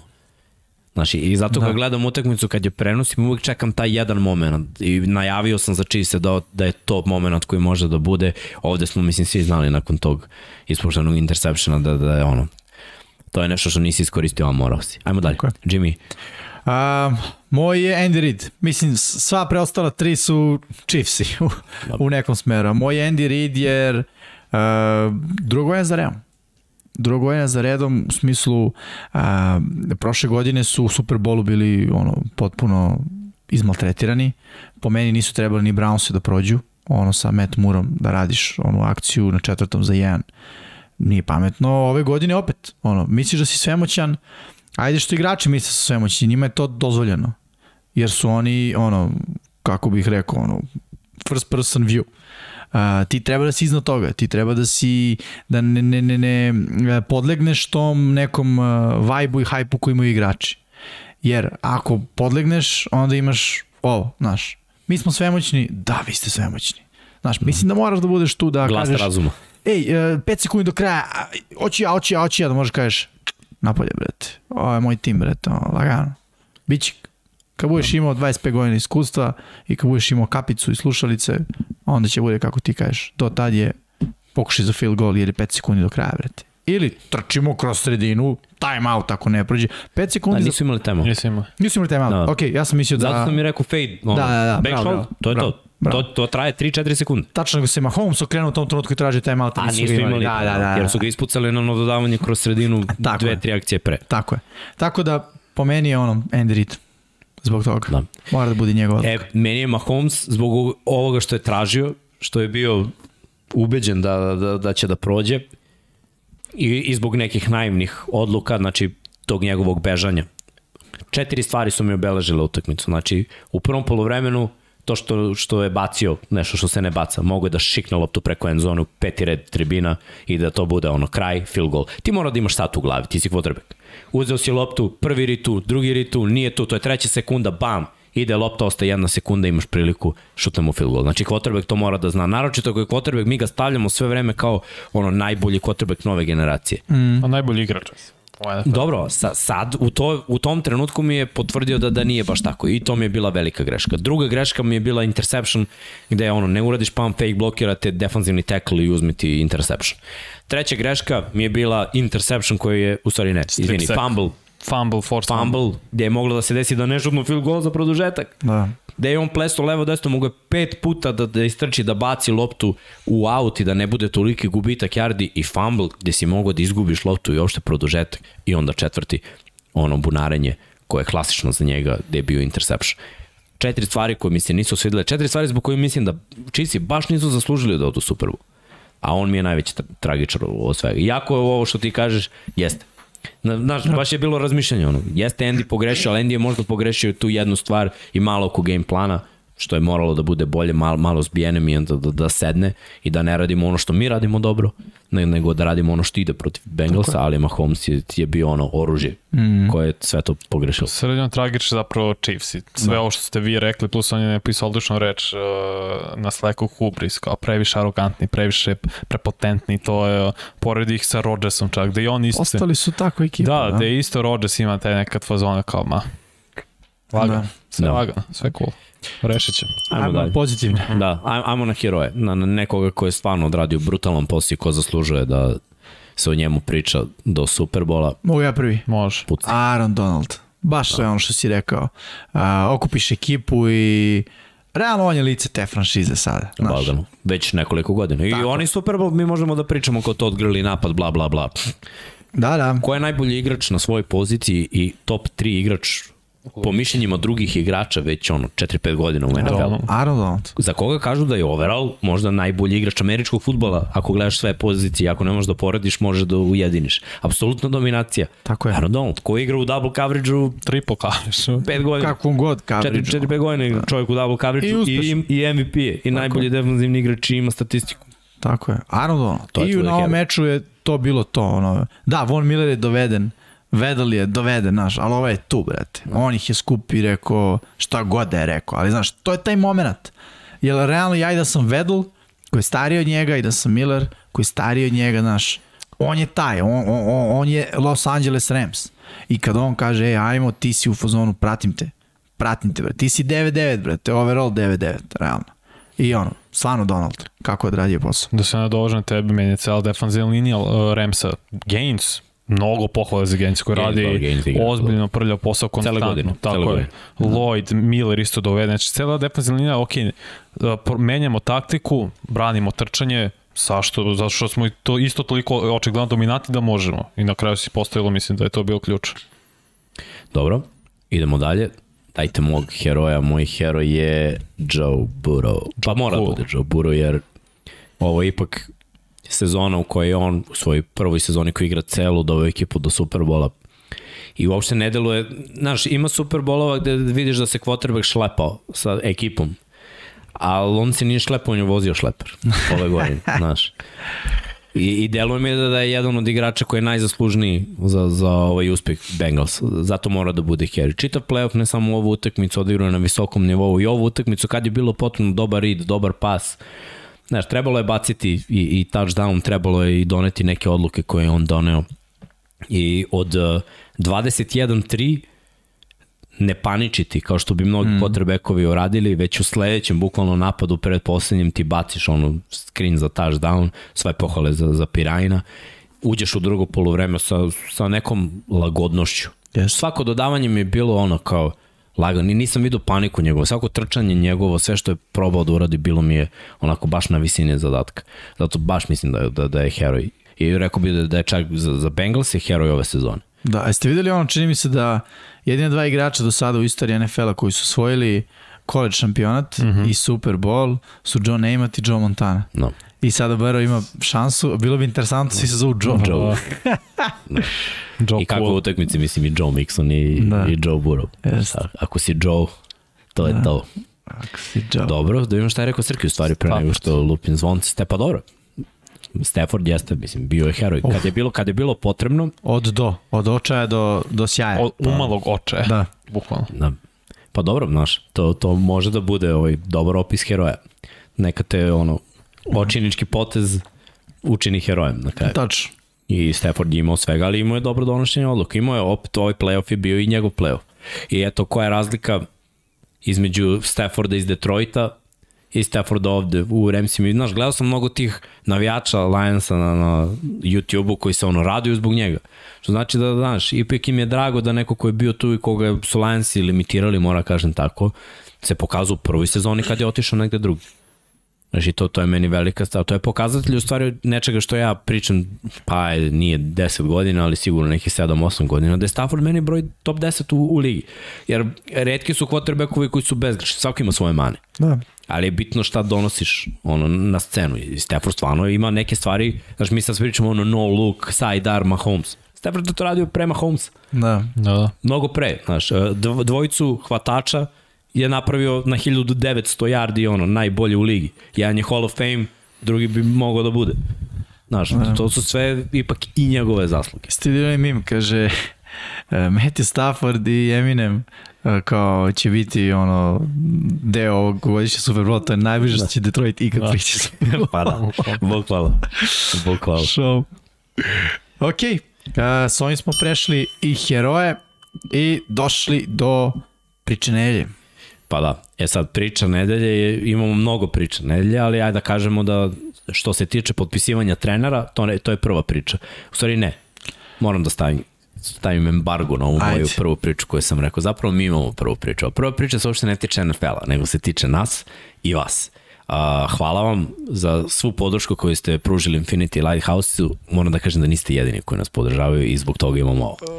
Da, Ja sam teo da uđe prsti. Ma da, ja se ne stidim, bolimo. Bra. E, top 50 uh, na YouTube-u, priznanje veliko za Infinity Lighthouse. Od strane uh, PC Press. Tako, Tako je. Da. Uh, moramo da kažemo da, da, da smo dobili ovo priznanje, da smo prvo bili malo u šoku, da, da je stiglo ranije, da nismo smeli baš da se hvalimo, ali u momentu kada je stiglo ja sam bio prvo wow, da li je ovo, i onda pogledam naš, u, prvo, evo, zanima me vaše mišljenje, da, da, da li i koliko je koliko su ovi koliko su ovi podcastovi da, Da, malo, malo. Čekaj, opa, opa, još malo. Da, koliko su ovi podcastovi promenili vaš život? Ja znam da naši jesu, jer mm. ovo je krenulo tipa sve pre nekih godinu i po dana, Znači, ni- nije od početka sezone, imali smo neki prostor, skupili smo neke mikrofone, sto, kao ajde da, da podignemo ovo na viši nivo, ajde da krenemo s nekim grafikama, ajde da ubacimo ovo, Da. ajde da ubacimo ono, ajde da krene Lab 76, ajde da krene 99 yard. Ajde krenu kadrovi, ajmo ovo, znaš, da, malo tebe, ajmo, ajmo ovo, tako je, a, a da ne bude ono tribinica i, Mhm. i neka priča, pa ajde da sve to izgleda malo bolje, pa malo po malo, malo po malo, pa ste se vi uključili, pa, pa, pa su se uključile, ne, ono, e, seća kad smo crtali miš, pa, pa je došao, Da. da. pa je neki čovek donirao, pa, pa smo imali odjednom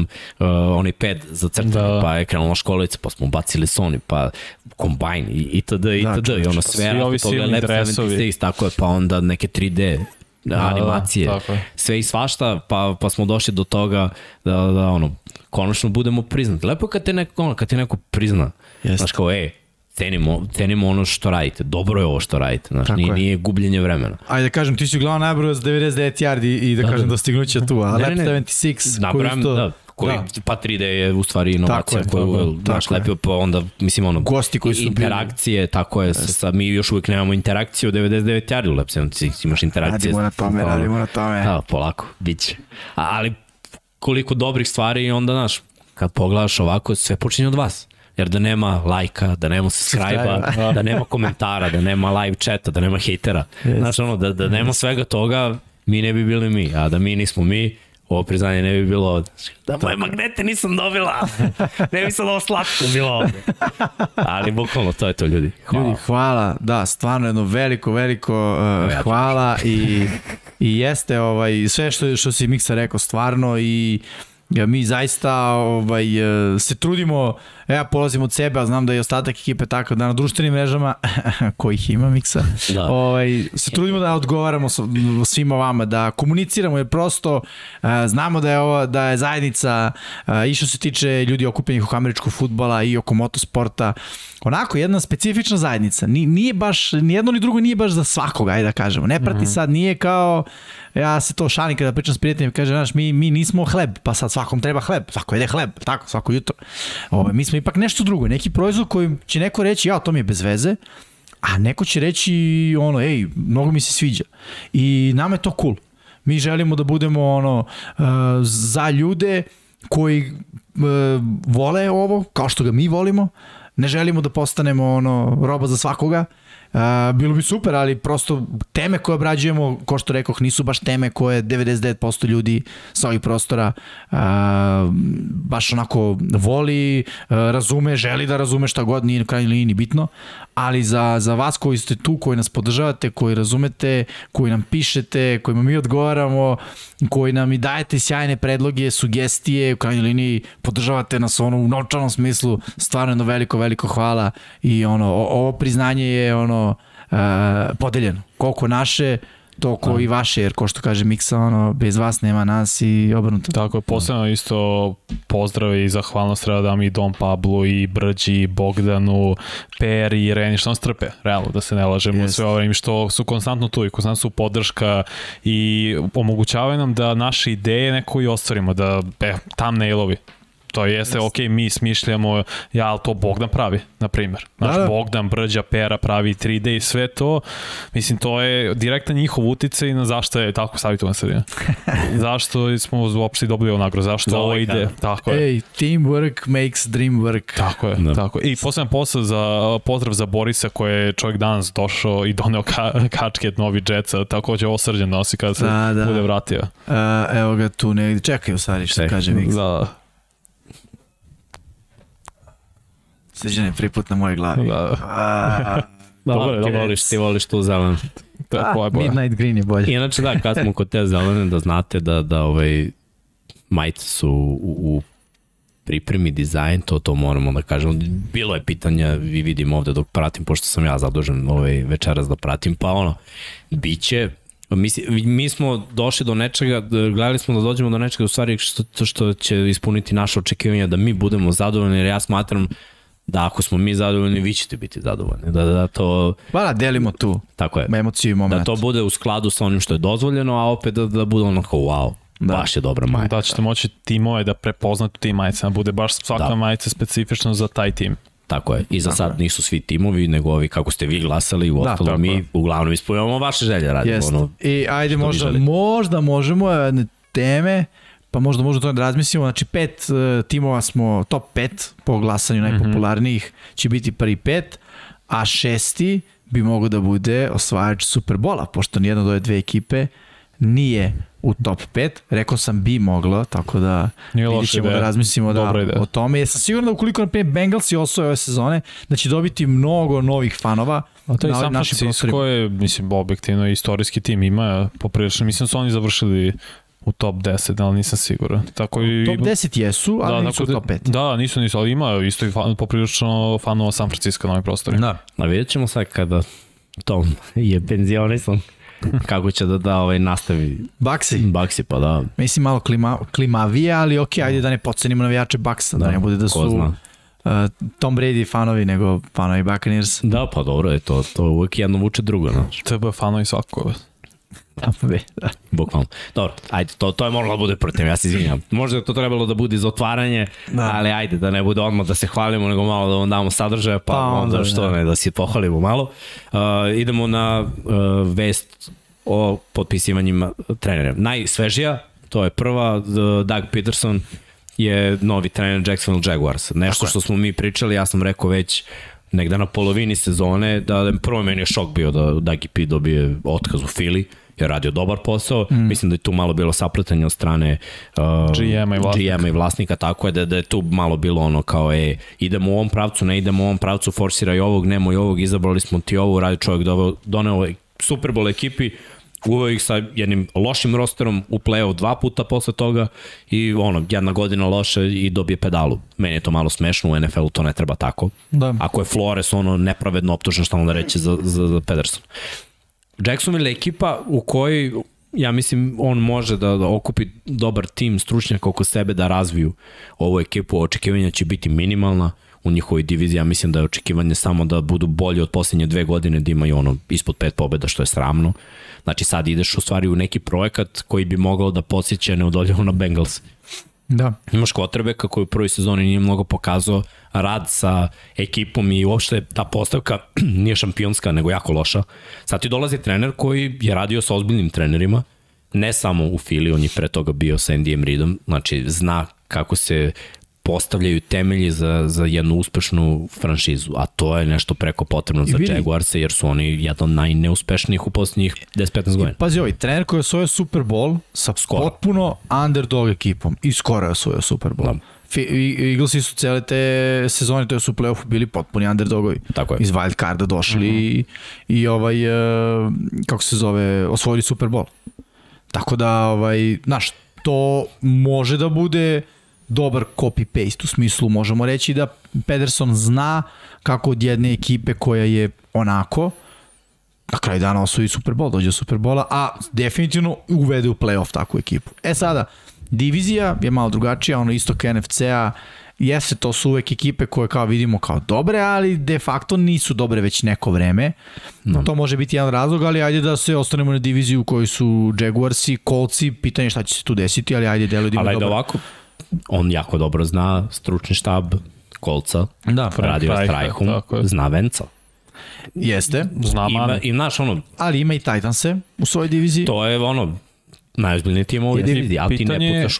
Koliko tu... će taj tim biti još na ovom nivou, jer Titans mi del... Ne, na Titans je baš na Titans. tu ekipa koja je vođena jako dobro. Ne, vođeni su sjajni, nego gledam sad uh, projekat od tri godine naredne Titansa, da je to ok, i Henry će tu dolazi s godinama, Julio će vratno i otići na, po, možda posle dve sezone, AJ Brown će biti u prime-u, Tannehill, boga pita kako će da igri, da će biti novi quarterback, tako i Titansi nisu više u modu kao pre dve godine, ok, mi imamo malo više lufta, da budemo glavni u diviziji, dok Da. kolci s druge strane. možda si u pravu, ali kad pogledaš razvoj ostatka divizije, znači kolci su isto u problemu, Da, da, a Jacksonville i Houston su rupa.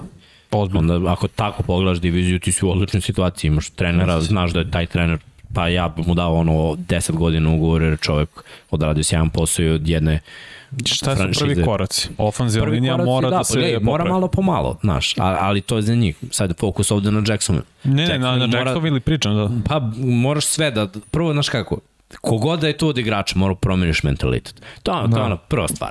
Koju ti kao trener mora da dođeš i da taj mentalitet uh, ne bude gubitnički, moraš da imaš dobar odnos sa igračima. Znači, ne možeš da, da ih gledaš kao koleđ igrača, ovo su profesionalci, to je nešto što Dag zna.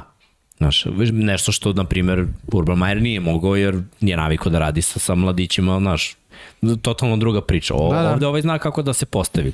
Mora da imaš dobar odnos sa GM-om i mora da imaš dobar odnos sa vlasnikom. Nešto što opet Majer nije imao.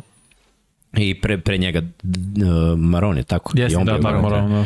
on je uspeo ekipu da dovede jedne, ali bio je, pazi, jako loš, pa je doveo tu ekipu do finala AFC-a i onda je opet bio Jako jako loš. loš. Znači, to je ono, samo zahvaljujući talentu koji je imao, on nije uspeo da učini nešto. Ja mislim da, da, da je Doug Peterson imao taj talent, da, da bi on ostao dve, tri godine u play-offu sa onim talentom. Oni su imali pet pro bolera u odbrani.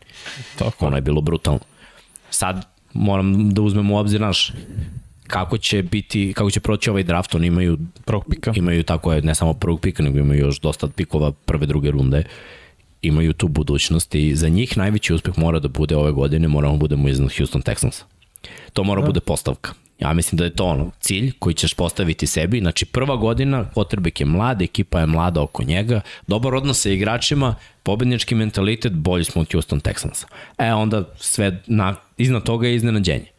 I sve iznad toga će početi Da, da, da se je- gradi. to Ne možeš sam- da misliš za godinu dana da će sad Jacksonville da Nikako. postane ono dobar tim. Neće. Mali koraci. Da. Napredak uh, Lorenca. Možda da se slično desi Tako kao. Vance. Možda ne možda odmah uh, 33 touchdowna, ne, ali smanjiš broj interceptiona, gubitak lopti, bolji, uh, veće uh, ovaj, uspešnost dodavanja i sve to, to je u procentu uspešnost dodavanja. Tako mali koraci, prvo za Lorenca ćeš ti morati da ga razvijaš, pa onda za ostatak ekipe. Ok, ajmo korak po korak. Šta ovde ne valja, ok, šta je bolje, treba, treba, igra trčanja mora bude mnogo bolja. Mnogo, prosto imaš, imaš kalibr te igrače. Robinson povredio se, kako se zove sa Clemson, ruki running back još na Uh, početku. Caleb on uh, Chase. Ne, to je D- DN, to je defensivni end. Da. Ne, ne, running back misliš? sa Clemson, Et, A, Etienne se Etienne, povredio, da, da. Znači back. ti imaš zapravo opcije koji mogu da, da pomogneš Lorencu prvo pre svega kroz igru za trčanje. Tako da taj razvitak u napadu je- meni će biti on baš ključan. Da, pa vidjet ćemo. To je ono, ali opet dobar potes. Ja bi ovo cenio kao dobar potes. Slažem se. A, ćemo dalje. O, Ajmo. o trenerima. E, Raiders, da kažemo, tako? Raidersi tako je, su doveli uh, McDaniels iz New Englanda Da bude head coach. da bude head coach.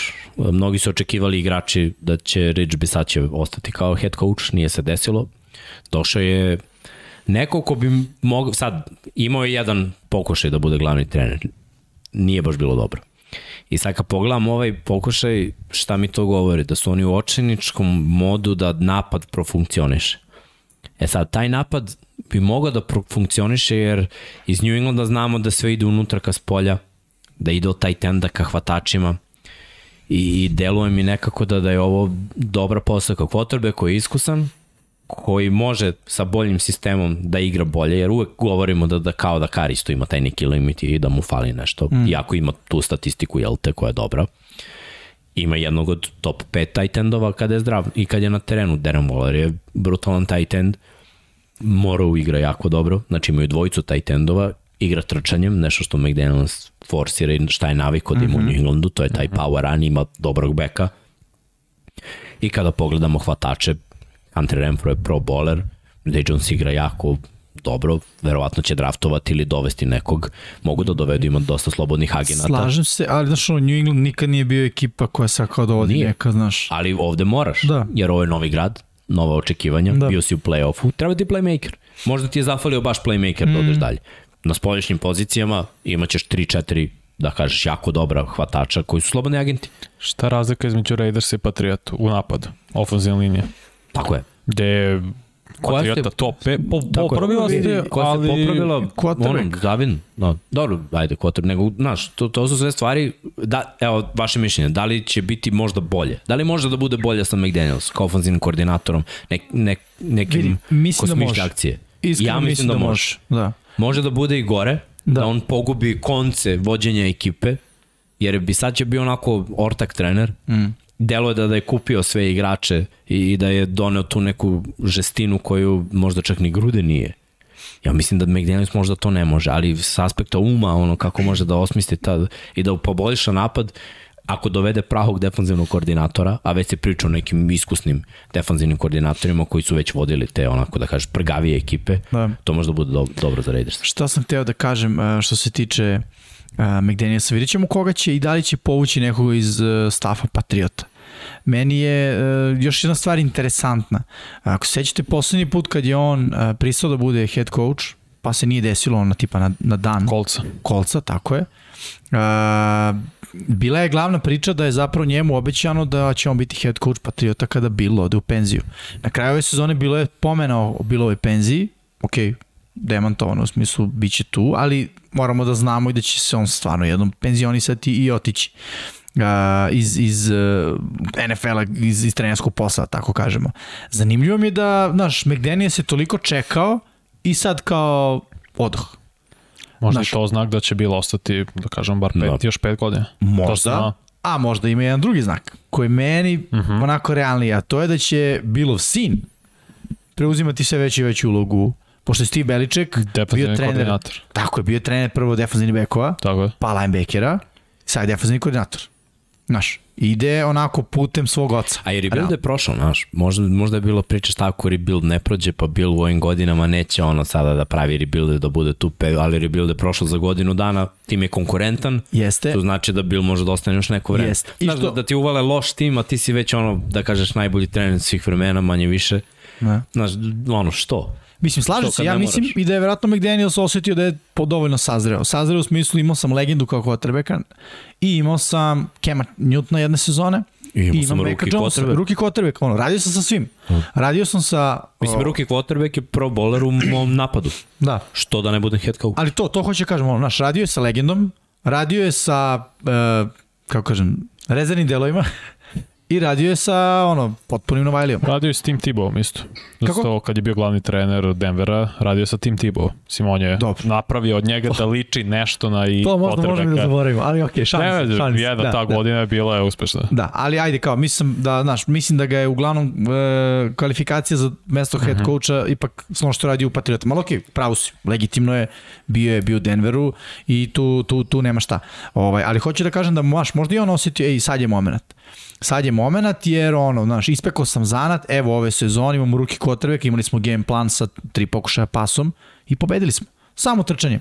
I ono što ti kažeš, Miksa, može da uvede taj power football, a, taj e, ono, um, old school tip futbala u Raiderse. Jer Raidersi su uvek bili, ajde, uglavnom kao odbrana, poznati kao ono jako prljav i, i, i, i, i težak tim. Ja mislim da će jedan korak unazad imati Raiders i ne zbog direktno To McDanielsa. treba godina da sve slegne. I treba godine nego kako dosta se situacija dešavalo da oni baš u produžetku pobede. To se obično obrne. Znaš, na te na jedan posjeti sve to, jedne godine si sjajan, ali druge... ne mora da znači, Ne, ne, znaš. ne mora, ali kaže i protiv Ravensa su može da izvukli. donese, on baš može da donese da ne dođe do tog jednog poseda. Znaš, da dođe do toga da Ne oni vidim. imaju plus 10. Da, Ne bilo je mnogo talenta da oni nisu bili baš konstantni, znaš. Da, da. Ali Njima to treba, znaš. Mislim da je to dobar potez za, isto, da. za Moglo Raiderse. bi, znaš, Moglo bi da on mi je stvarno. samo nepoznanica, jer kad neko postaje glavni trener, a nikad nije bio glavni trener, to jest nije bio uspešno glavni trener, pitanje je ne samo da li može taktika, ta, u taktiku ne sumnjam, ali treba ipak povezati se i ono kao naš psiholog sa svim tim igračima. Jeste. Treba da uđeš u um svakog igrača. Treba ti neko iskustvo za to. Znaš, neće svako da reaguje dobro na ga. kritiku, neće svako da reaguje dobro na pohvalu. Neko će na pohvalu da kaže, ma super, ne moram da napredujem. Neko će na kritiku da znaš, se zatvori u sebe umesto da ga to motiviše da bude bolji. Ti mora da znaš kako da, da, da ono, sad vodiš ekipu. Druga stvar, znaš, koje koordinatora da zaposliš oko sebe da bi ta ekipa bila dobra. To, to je ono meni znak pitanja, ali ajde da kažemo da Raidersi veruju. Promena je potrebna, a u poslednje vreme vidimo mladi treneri ovaj futbol današnji bolje vode od starijih trenera. Činjenica. Isto. Pogledaj Dobro, i Superbolove. više ih je. Dobro, više ih je, ali pogledaj kako se te ekipe koje nisu bile tu pojavljuju. Ramsey nisu bili od Kurta Warnera u u Super Bowl. Došao je McVay, dva puta su u Super Bowlu u posljednjih pet godina. 49ersi od Jima Harbaugh koji isto bio mlad kad ih odveo u Super Tako Bowl, je. došao je Shanahan, odveo ih u Super Bowl. Uh, Taylor, Zach Taylor. Bengalsi, znaš. Uh, Tomlin i Harbaugh su osvojili kao mladi treneri. To je sve isto bilo pre 10 godina. Tako da ono, kad uzmem, razumem malo za, mm -hmm. zašto se ide u ovom smeru. Uh, da kažemo da je Dable postao glavni trener Giants. Tako je. Da i tu ima dosta i priče iza toga i kontroverze baš vezano povezano sa Brian Floresom. Da, na doći kraju. ćemo do Flores, ali da kažemo šta je ovo, uh, kako je ovo u stvari dobro za, za Bills i kako je ovo dobro mm. za, za Giants. Uh, za Billse sada deluje, pojavljaju se neke priče da, da je to u stvari bio neki razdor između McDermonta i Dable-a da on je bukvalno želeo da ode pa po cenu da bude ofenzivni koordinator negde drugde. Uh, videli smo da, da su Billsi ekipa koja je možda s nekim pozivanjem akcija sad ispostavilo se ove godine defanzivno da je bio problem, ali tokom čitave godine ono, tražio se malo i Dable. Prehodne godine je on bio problem. Sada, kad je razvio Alena sa nekim drugim ofenzivnim koordinatorom, ja mislim da ovaj, na, ako pogode, ovaj napad Billsa može da bude ono Super Bowl ekipa. I još jedna stvar vezana za Giantse, to je da je Mike Kafka, trener quarterbackova Kansas City Chiefsa, ofenzivni koordinator Giantsa. Da. I On sad je. Dable pozvao Kafku, da. njih dvojica zajedno su već pokazali da mogu da usavrše quarterbacka, dolaze da pomognu Giantsima. Da li u usavršavanju Denija Dimesa ili oni pucaju na to da, da idu na, na draft da dovedu novog quarterbacka, možda ne ove godine, možda sledeće godine. Ove godine imaju dva pika u top 10, čini mi se, tako da nije nelogično da draftuju quarterback, ali koji će da sedi iza Denija i eventualno da sačeka te pikove, Da. mislim pikove kao interception ili fumble i onda da, ovaj, Bu- da, da ga to. baci u vatru. Mislim, nije nemoguće. O, hoću da kažem da za Giants je ovo najbolja odluka po meni posle pa možda nije decenija, ali skoro decenija. Pa da, i zato što imaš dokaz, živi dokaz da je Josh Allen svake godine napredo. Ja mislim da im glavna ideja, uh, pre svega vlasnika Maro, da je glavna ideja ok.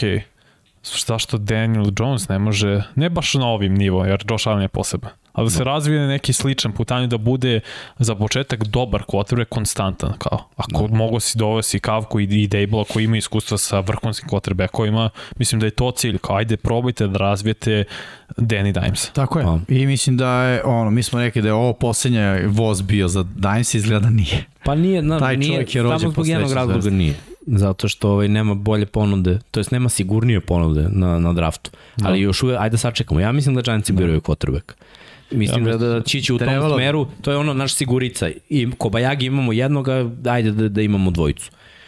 Idemo, evo, možemo da pričamo prvo o Broncosima, Da. s obzirom da su oni potpisali Nathaniela Haketa i da će on biti njihov glavni trener, pa ćemo onda pokrenemo kontraverzu jer je Flores se zavadio Da, i da, da, Ali Broncosima i sa Giantsi. Broncosi su takođe kao ofenzivni koordinator potpisali bivšeg trenera Packersa, taj tenda, pek, uh, trenera taj tendova Packersa, Da. Justina Autena. Da, da bude OC. Da bude OC, tako je. A DC je a, bivši trener defensivni bekova Remsa, to je Ejiro Evero.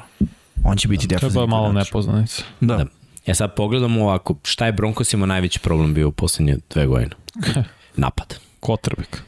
Dobro, i Pa, možemo da kažemo i potrebe, ali generalno je napad bio problem. Pronašli su neke mlade igrači, imaju dosta talenta, ali mm -hmm. fali nešto. Uh, Fangio sa svojom ekipom nije mogao da vodi ovu ekipu uh, nigde sa svojom ekipom trenera i mislim da je to bio najveći kamen spoticanja za Denver. Ovo može da bude dobro i opet mlađi trener, neko ko ima dobru konekciju sa Aaronom Rodgersom, koji ovde može da pomogne da se i quarterback oseti lagodnije. Šta je sad za Denver najveće pitanje? Da li imaš quarterbacka E, to sam kog da želiš da, kažem. staviš u ovaj sistem? Mislim Jer da ako nemaš, imaš draft i imaš neke pokušaje Trade trade-ove ili da čekaš. Da. Uh, imaš quarterbackove koji će biti i slobodni agenti, ali uglavnom su neki trade-ovi ili da biraš mladog quarterbacka. Da li si u situaciji da moraš da juriš uspeh sad? Mislim da nisi, određen je rebuild, poslao si sve što je matoro u posljednje dve, tri godine, zadržao si mladi kor ekipe i u ovoj diviziji gde ono, možeš da sačekaš Chiefs da udari Mahomesov cap za godinu, dve, možeš da ideš korak u korak sa Chargersima koji su na istom nivou kao i ti, manje više. Da. Nisu playoff ekipa, a mogli bi da budu playoff ekipa. E sad, nećemo razmatrati ko ima veći talent ili ne, ali definitivno su, i jedni i drugi su na dobrom putu, ali mm. nešto fali. Definitivno fali jednim i drugim. Mislim da će Heke da, ako bude teo, draftovat će svog quarterbacka. Jer ti hoćeš da počneš sa svojim igračem, ne želiš da budeš kao negi da vučeš u ovom, su, ovom slučaju bio Trubiski. Možda, ali recimo kako ja razmišljam, znaš, Lok je gunslinger, loš, ali je gunslinger. Jeste. Uh, Rodgers je gunslinger, dobar. Ja ne bih da njega kar, karakterizio, ne bih ga stavio tu zapravo Ma ne, ja, ja, ne, ne, ne, ne, ne, kao, ne, kao guns, ne, uopšte da nije gunslinger, zato što ne uzima, Lock. ne, ne, Rodgers, ne uzima on, on kad vidi, kad nema, baci u auto. Ne rizikuje on kao Stafford i Tom, jer čovjek koliko ima, tri, ima 13 presečenih lopti posle 3 godine ok, stoji, ali Gunslinger u smislu, naš, neko ko će imati veliki pokušaj, veliki broj pokušaja na utakmici dodavanjem. Neko ko veruje u svoju ko ruku. veruje u svoju ruku, realno, koji će probati to neke da. neverovatne, ono, uh, neverovatna dodavanja. Uh, naravno, iskustvom je i time što je dugo u NFL-u, mislim, logično to je jedno te isto, dobio to da su odluke sve bolje, ne bi ni bio toliko dugo NFL da odluke nisu dobre, ali zanima me da li će reći, naravno, hteće on svog quarterbacka, ali da li će reći ove sezone koje dolazi, e, ajmo sa ovim momkom da vidimo, znaš, da li je prethodno loše rađeno sa njim, da vidimo šta može da nam pruži. Pa onda, pošto je draft ove godine na quarterbacku svakako tanan, 23. ono vidimo šta će biti što se drafta tiče. Ali ove 22. ajmo da probamo sa njim. Meni to tako nekako, znaš, jer e, i ofenzivna linija Denvera može da se poboljša, možda bude ono još malo bolja. A, sa druge strane, što se odbrane tiče, a, e, može da se popuni, a, e, ajde, sekundari delo jako dobro, defanzivna linija isto deluje ok, možda može neki linebacker da se, znaš, da. ono, ubaci čisto i, ono, znaš, ne, ne, ne, vidi, ako Hotrek ne još u prvoj rundi, to nije to. Znaš, nema smisla, u trećoj uzmemo da. nešto. Ja mislim da, da idu na, na Kubea. Da, i to da će meni ne bi bilo... Ima mi smisla. Pazi, meni recimo ne bi iznenadilo, ne bi me iznenadilo da uzmu Garopola i da je uđu sa Garopolom i, i, i Lakom u celu priču. Loko. Hm? Loko. Loko. Šta sam rekao, Lako? Lako. Šta mi je večer? Lok i Garopolo, da. da. Uh. Garopolo kao neka... neka... Sušta suprotnost Gunslingera. Da. Jeste, ali s druge strane, neko ko će na najbezbedniji mogući način da ti pruži šansu za playoff. Pazi, ja onda mislim da bi Malo draftova... nepokretniji Teddy B. Da. Da, nepokretniji. Nepokretniji, da, ali za razliku od Teddy B-a, koji će da se sam sekuje i kad nema potrebe, Ovaj neće, ovaj će baciti interception. Možda. wow, kakvi izbori. Idemo Možda. na e, če, če, pa a ako biraju Garopola, onda mi je logičnije da draftuju, kao, mislim, da. ima pa nek sedi. Isplati, da. Ne, ali znaš što ne, vrate, ovo je bio u Super Bowlu. Ko? Bio Garoppolo. Pa ne, ne, u finalu konferencije. Ne, ne, draft, traduješ za Garoppola, ali draftuješ kotrbe kad ti bude bridge. Ali onda daješ dva pika, znaš. Pa, Trade za Garoppola pa dobro, je za bi dobio. Tako da ono. Misliš da bi dali runda. tipa, pa da, da, ja mislim treća, treća runda. runda. Da, ali, da, bi dao treću rundu da sam Denver. Ja bi, pa znam, ali treba taj pik bolje da potrošiš na online iskreno. Pa ja bih dao pik prve runde na online, realno, prva, druga. Ali pa, okej, okay, ajde, vidit ćemo šta će da, da urede. Ko zna Prema što pređeš na Floristo, samo da kažem Jim Harbaugh, koji je zvanično ajde. rekao da, je, od, da će da odustane, to je da je odustao od NFL posla, da je, će ostati na Michiganu i ja mislim da je to prosto šokantno, mislim da nije imao toliko ponuda kao što je mislio, To je prvo da će otišao da sastanak sa Vikingsima na dan kad je dan potpisivanja u koleču, to je big, big deal i vratio se kao epok će ostati, što znači da nije dobio ponudu kako je hteo. I mislim da. sad, ovo je važno za college futbol da neko ime kao što je Jim Harbaugh ostane, odluči da ostane zato što je to jedan od najboljih trenera na ozbiljnom fakultetu kao što je Michigan i prosto daje ugled još college futbolu. Ja, e sad, pitanje je zašto? E, kako je Harbaugh vodio ekipu 49ers? Odrešenih ruku. Strogo. Od, ne, odrešenih ruku. Jeste da, da. strogo, ali ja to poštujem. Mislim, ekipa mora se vodi Tako je. strogo. Ako hoćeš uspeh, mislim, ne može da bude banda ekipa i kao uspeli smo, to se redko dešava. Mora da znaš kako vodiš ekipu, ali za to su potrebne odrešene ruke. Verovatno nešto nije bilo tu, mhm. postalo je, ali negde u, u tom mhm. ugovoru pre nego što ga je potpisao i onda je rekao, e, ako ne može to, ja se vraćam na Michigan. I onda se vratio na Michigan jer to nije moglo. Ne znam šta je želo. Možda je ono jedan ok, možda je rekao čovek, neću kazan On je sarađivao sa GM-om novim sada, Minnesota, jer tad je bio nekoj drugoj funkciji u San Francisco i verovatno je ovaj znao da je Jim Harbaugh, realno je control freak. Mora Jezu, sve pa, pod da. mo, mom da bude moja poslednja i to je Tako to. Je, Verujem ko... da mu ovaj nije dozvolio to. Ko zna šta je tražio? Ne, možda je meni, znaš, ko zna stvari, ajde, ali što kažem, X možda i rekao neću se. Možda, možda, znaš, znaš, možda ništa nije ni rekao, nego je bio, da. e, ako dođe ovaj trenutak, želim da, znaš, kao ja odlučim u da. kom smeru idemo dalje. Tako, ili je možda ili, ponuda bi nije bila ćemo, dobra. Da, šta ćemo na draftu, da li ja biram šta draftujem, da. jer ja sam trener. Znaš, i ovaj neko rekao, ne, ipak ono, mi imamo ceo postupak i kako da, da, naš, on je došao u ekipu koja nije playoff ekipa, ekipa koja može da bude playoff ekipa. Na granici. Tako je, a, ali na njemu je bilo da proceni naš. Tu, tu je sastanak gde u stvari vidite šta želite. Znači, ja verujem da Harbo želi da ta ekipa uđe u Super Bowl. A možda Minnesota vidi neki na ono, blagi rebuild i obnovu kroz godinu, dve. Da. Znaš, možda njemu to nije dovoljno dobro, jer njegovo ime će se provlači po medijima kako je fail. A čovek kao što si rekao, ne samo da je control freak, nego i egomanija. Ono voli sve Ovo, najbolje. Da. da, a na Michiganu se o njemu control. priča kao jedan od najboljih trenera na kolež nivou. Što je tako. I... Tako da je ono, to je jedan od razloga. I onda dolazimo do Briana Floresa mm. koji je optužio i uh, Broncose i Giantse i Dolphinse za rasizam i za Miami čak i za nameštanje utakmice da je dobio da, pare da, da Da mu bilo nuđeno. Tako je. Da gubi, da, da se tenkuje 100.000 dolara po porazu, da pa mu vlasnik da... Dolphinsa to nudio, i da on to kategorički odbio. Što je možda i bio razlog zašto je on otišao iz Miami. Pa mislim da je Tua. Tua i ovo je, mislim, zato što su oni baš te godine 2019. nazovi to tenkovanjem, to nije popularno NFL u NBA jeste, baš za, da bi imali što bolje pika, da bi Steven Ross, vlasnik Miami, izabrao tu svakako su ga izabrali, ali to je u kombinaciji razlog zašto je Flores je otišao. I spomenuo i Bill Belichick kada je on okrivio ga, da je on dosta ima kao kako to kažem, kao influence na Giants, zašto su Dable-a utice, tako je. Ja znam da isto da je Bill Belichick dosta utice na to da dobije Flores posao u Miami. Mm. Ne, nije mi to jedin bilo jasno, sem one, mislim, greške, čovjek pogreši u kuckanju poruke. Ja, ja razumem zašto je ekipa Giants odobrala ofanzivno orijentisanog trenera, zato što im je to najveći problem. Njihova odbrana je bila sasvim solidna pre dve godine, gdje su bili ono i top 5 u nekim kategorijama, mm -hmm. a ove godine su bili ono Pa, znaš, već im je problem s napadom. Napad mi ima šest znakova pitanja. Da. Prvo, u kom smeru idemo na poziciji quarterbacka, jer quarterbacka nemamo. U kom smeru idemo na poziciji running backa, jer smo draftovali running backa jako visoko i ništa nam nije pokazao da li je dofanzivna linija koja nam je tek veliki znak pitanja ili skill igrača koje imamo, a ne koristimo. Ko će ostati od tih igrača? Sterling Shepard je tu godinama ništa ne radi. Poslali smo odela koji je bio ono pro ball kalibar. Toliko znakova pitanja u napadu, naš odbrani ne stigneš ni da pričaš.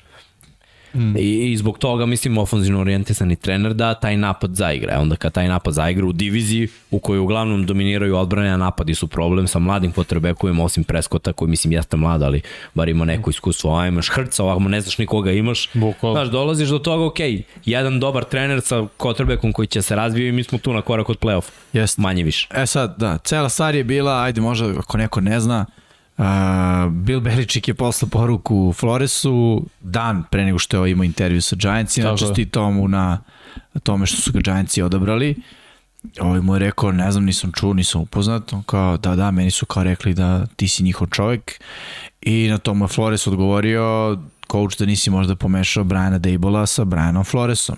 I on je rekao, izvini, molim te, moja greška, A, u suštini, da, izabrali su Dejbola pre nego što je Flores uopšte otišao na taj razgovor. E sad, tu po meni je krivo NFL pravilo. Znaš. Rooney rule. Kako? Rooney rule. Ok. Krivo pravilo jer pravilo kaže ti moraš da odriš intervju sa određenim minority. Minority to su sve... Nacionalne manjine. Nacionalne Tako, manjine. Moraš da odriš sigurno jedan Tako. intervju. E sad, šta to znači? To znači da uh, ti ako imaš znaš, ja sam to pričao sa nekim i u suštini dao paralelu, ono sad, manje ja apliciramo za isti posao, ja imam razgovor u 10, on u 12. Ja ako zasenim sve u 10, oni mogu vanje pozovu, kažu, ej, žao mi, ali nema dođeš. Mislim, znaš, Stvari je došao je čovek koji se njima svideo, filozofija koja se njima svidela, a tebi zakon, pravilo, kako god kaže, moraš da imaš još jedan razgovor sa nekim ko je nacionalna manjina. Što je realno glup zakon. Ako mene pitaš. Zašto? Zato što bi kvalifikacija trebala samo da bude na osnovu tvoje ekspertize. Da. Ništa drugo. Ako počnemo da mešamo boju kože, starost, a, da li si muško, da li si žensko, da li si ovo, da li si ono, da li voliš ovo ili voliš ono, mi gubimo pojam, mi gubimo kompas oko toga šta biramo. Jel biramo nešto da bismo se pokazivali ili biramo stručnjaka? Istina, Treba ti neko Da. koji je ekspert. Da, razumem. Znači, gledaj, ne muško, ne žensko, ne crn, ne beo, ne žut, Da. ne ne znam A- kakav. I u našem društvu imati takvo mišljenje nije problem.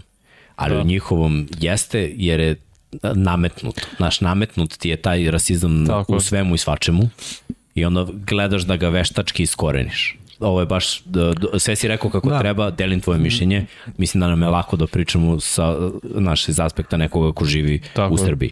Da, da smo tamo, bilo bi sve drugačije. Uh, mislim, igrali smo Pa da, ali viš kako, ono, znaš, kako kažu, put do pakla je popločan dobrim namerama. Sad ti Da. nekom dobrom namerom sprečavaš ekipu, vidi, došao je kandidat koji si rekao, ovo je moj čovjek. Ali nisi do tog momenta pre njega imao nekoga koga moraš moraš da, da dovedeš da pričaš sa njim. Pazi. I sad ti si stavljen u sit, znaš, šta ako su Giantsi sa ono, prvi intervju obojiš nekim, to je moj čovjek.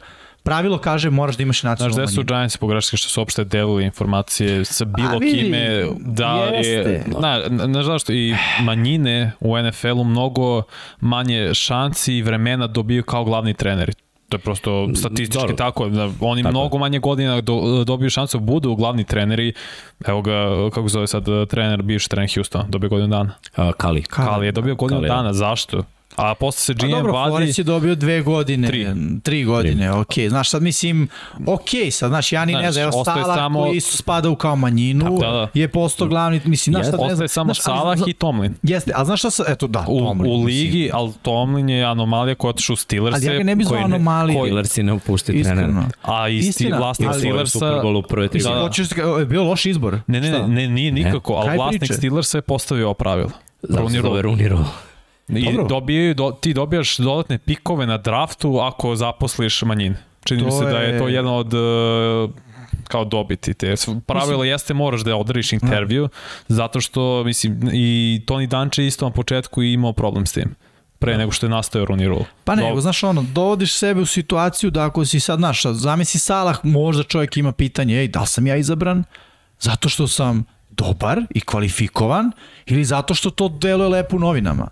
Zato što deluje lepo i američkoj javnosti. Mislim, realno, ja bih sebi postavio to pitanje, a to je nefer pitanje. On to ne bi trebalo da se pita. Ne bi, on bi dakle. trebalo Ne. da zna da je on izabran zato što je najbolji, zato što su Jetsi verovali da, na kraju primjer, da je on krajeva najbolji čovjek za taj posao. niko njih ne drži za ruku, niti ih Tako je. forsira da Evo ti- zaposle manjinu. Oni, oni imaju Samo obavezu da Tako je. intervjuš, ali pazi sad ovo, ima primjera. Na primjer, Jim Caldwell tako, je imao playoff sezone sa mrtvim Detroitom koji od njega je raspada, pre njega je isto bilo ono nula pobeda u sezoni. Marvin Lewis. Da. Doveo ih je do play-offa, Marvin Lewis dovodio Bang, nisu pobedili u play-offu, ali ih je doveo u play-off, E, nema angažmana za njih. Nema ni bili, nema najave Znaš, uopšte. okej, ima tu razloga, znaš, i NFL ide u nekom možemo drugom reći, Tim smeru. Tibo je bio kvatari broj 1, pa nema angažman, znaš. Tako je. I sad, znaš, lako je nama s ovog aspekta pričati, evo neko se ovde šali da, da bi nas palili na ESPN-u. Pa Verovatno, da, da. Zato što, znaš, šta, moraš da imaš ono, tu političku korektnost. Tamo meni je najbolji Da. od svih Steve Harvey koji se šalio na taj način Da. da, kada je održao svoj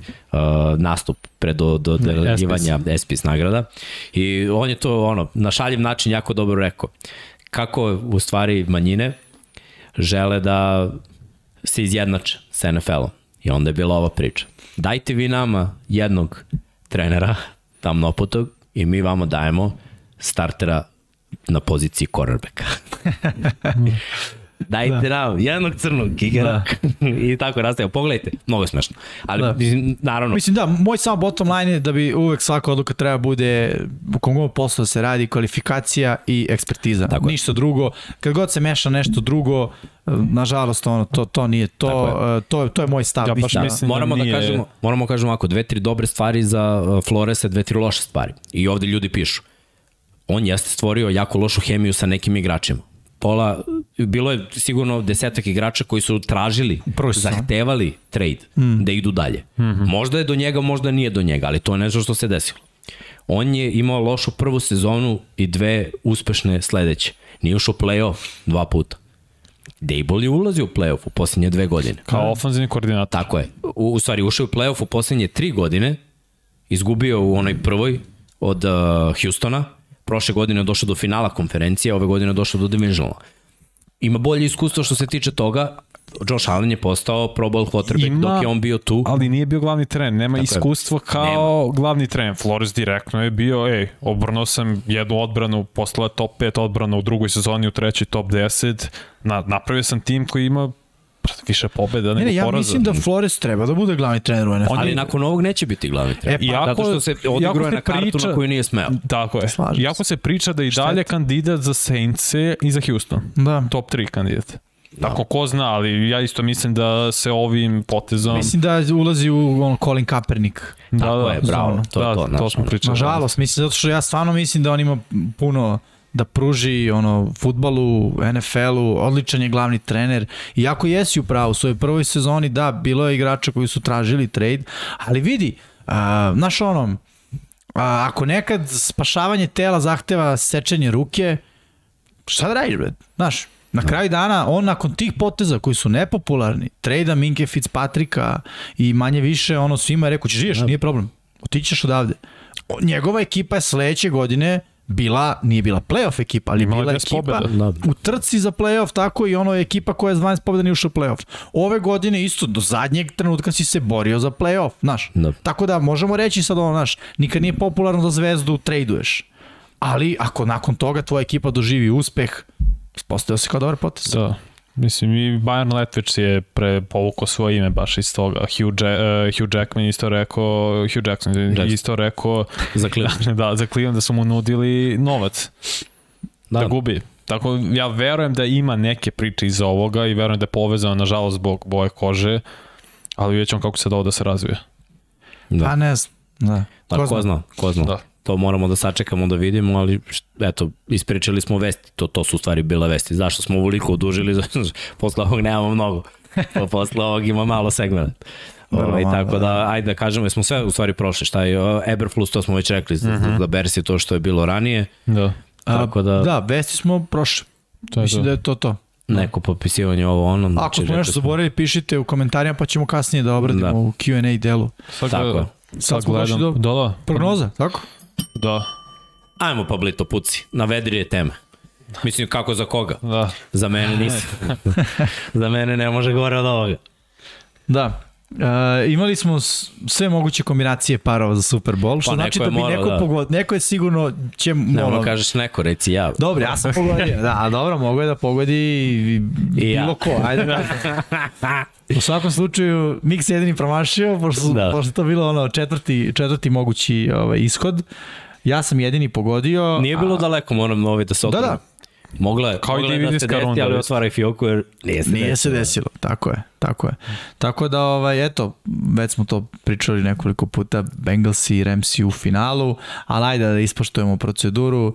Znači, u prvom meču Cincinnati, Kansas City, Bengals se smo birali ja i Srđan, pogodili, Miksa, Vanja i Pablo su birali Chiefse i nisu pogodili. San Francisco protiv Ramsa, Ramsi birali Pablo, ja i Vanja, a, pogodili, a Srđan i Miksa su promašili izborom San Francisco 49ersa, što nas stavlja ako imamo pogled za, za dosadašnji ceo playoff, a mislim da imamo, što me stavlja na mesto broj 1 sa bednih 66,7% Uh, uspeha, 8 od 4, mesto broj 2 dele Pablo i Miksa 7, 7 pobjeda, 5 promašaja, 58,3% i Srđan odnosno uh, Srđan i Vanja zapravo šest pogodaka, šest promašaja, 50% uspešnosti. Samo pa, da vam kažem da sam krenuo playoff sezonu Prejako. sa prognozama kao Arizona. 6 Bio sam nepobediv, da. previše jak i ovaj, došao ovaj Ali je, do mene decembar. U, potencijalno, to ćemo sledeće ne saznati, imamo mogućnost da budu tri čoveka na prvom mestu. Da. Ti, Pavlo i ja. Ako da, da. budemo imali različite pikove za sledeću nedelju, a, ja promašim vas dvojica pogodite, to onda znači da delimo Gledaj. prvo mesto i vidjet ćemo koji će biti... U ovom ovaj, trenutku, dodaj mi tog tigra ovamo. No me interesa nada. A dobro, Televisa presenta, verujem u, u ove. dobro. Navijam za njih. Volao bih da prvi u Lombardije osvoje. Eto, to sam rekao i jako mislim da su Remsi bolja ekipa i da, da će oni možda idem, idem na apsolutno ludilo i, i na buro. Pričat ćemo sledeće nedelje svakako Hoćemo, o tome. Ono, imamo ove, ove nedelje šta se dešava, dešava se Pro Bowl. Da. A, mislim da možemo odmah Pablo da pucamo na, na rubriku direktni prenosi, pošto je samo jedan meč. Da, to nemamo, jedan meč. pitanju, ali nemamo, da. Od 21, ne znam, ja mislim da je Sport klub 1, možda grešim, nisam siguran, ali potražite tamo Da. po kanalima ako nekoga zanima da prati Pro Bowl. Uglavnom ljudi ne vole da gledaju Pro Bowl, ali eto, može tu da se vidi nešto, da se čuje nešto, malo da se zabavite ako vam nedostaje američki futbol i želite da održite tu tradiciju nedeljom od 21 časa na kanalima Sport kluba direkt, u direktnom prenosu je Pro Bowl Sport klub 2. 2, a? Da. Pa dobro, lepo. Sport klub A, da, dva, tako kao što se rekao, nedelja, 19 časova kreće Pro Bowl. A, mislim da smo pokrili sve naše regularne Imamo i... Da, nije, imamo, segmente. imamo Imaš live jedan. snimak. Tako je. Patreone. Yes. Ima Pucaj Patreon. mene. Da, dovoljno smo se za, za, zahvalili za ovo što smo dobili ovo priznanje. Naravno, like, subscribe, malo svežite tu slobodno i Tako je. ajmo, Vanja, da se zahvalimo našim, kako kažemo, Patreon, pokroviteljem. pokroviti. Ne, ne, ne, ima ono drugo. Svetioničari. Sveti- Ne, ne, svetioničari su što join. YouTube, Da. da, pa šta Patreon. Da, Pokrovitelj Patreon, da, sve. Moramo smislimo nešto i za to. A sada po, posljedan pozdrav za naše pokrovitelje na Patreonu, patreon.com kroz Infinity Lighthouse i krećemo sa Sava, Toni Ruščić, Mario Vidović, Ivan Toškov, Stefan Dulić, Marko Bogovac, Ozan Prpić, Marko Mostarac, Nikola Grujičić, Aleksa Vučaj, Zoltan Mezej, Zoran Šalamun, Miloš Banduka, Laslo Boroš, Đorđe Radojević, Ivan Simeunović, Mihajlo Krgović, Nenad Ivić, Nikola Božinović, Monika Erceg, Omer Kovačević, Filip Banovački, Miroslav Vučinić, Predrag Simić, Žorž, Stefan Vidić, Mlađan Antić, Jelena Mak, Mladen Krstić, Marko Ćurčić, Ćurčić, Milan Ne- Nešković, Ivan Maksimović, Bojan Mijatović, Petar Elić, Stefan Prijević, Nenad Simić, Luka Savović, Andrej Božo, Boris Gvozden, Boris Kolubar, Zoran Vi, Zorana Vidić, Luka Vanihtašević, Ljubo Đurović, Borko Božunović, Đorđe Andrić, Aleksandar Gošić, Mirjana Živković, Nemanja Miloradović, Miloš Vuletić, Vukašin Vučenović, Ognja Marinković, Miroslav Cvetić, Marina Mihajlović, Veselin Vukićević, Jelena Jeremić, Antonio Novak, Stefan Milošević, Nikola Stojanović, Jasenko Samržić, Mihovil Stamičar, Stefan Nedeljković, Zoran Majdav, Josip Kovačić, Lazar Pejović, Benjamin A, Nemanja Jeremić, da žena ne sazna, Boris Kujundžić, Tijana Vidanović, Stefan Ličin, Aleksandar Antonović, Dejan Vujović, Nemanja Zagorac, Đole Bronkos, Aleksa Jelić, Aca Vizla, Igor Vukčović, Milan Ristić, Branko Bisački, Nenad Đorđević, Vukašin Jekić, Aleksandar M, Žarko Milić, Dejan Đokić, Bojan Markov, Ertan Prehelić, Igor Gašparević, Alen Stojčić, Depressed Godi Garbrandt Fan, Branislav Dević, Strahinja Blagović, Aleksandar Jurić, Vladimir Filipović, Branislav Marković, Vanja Radulović, Đorđe Đokić, Đukić, pardon, Miloš Todorov, Ivan C, Emir Mesić, Stefan Stanković, Dušan Ristić, Vladimir Petković, Pavle Njemec, Jovan Đodan, Boris Erceg, Mirjana Kovačević, Katarina, Andri Bicok, Mladen Mladenović i Dimitrije Mišić plus 19 tajnih pokrovitelja. Hvala vam ljudi puno na, na vašoj podršci, mnogo, mnogo znači. Hvala vam. Pa, pa, pa.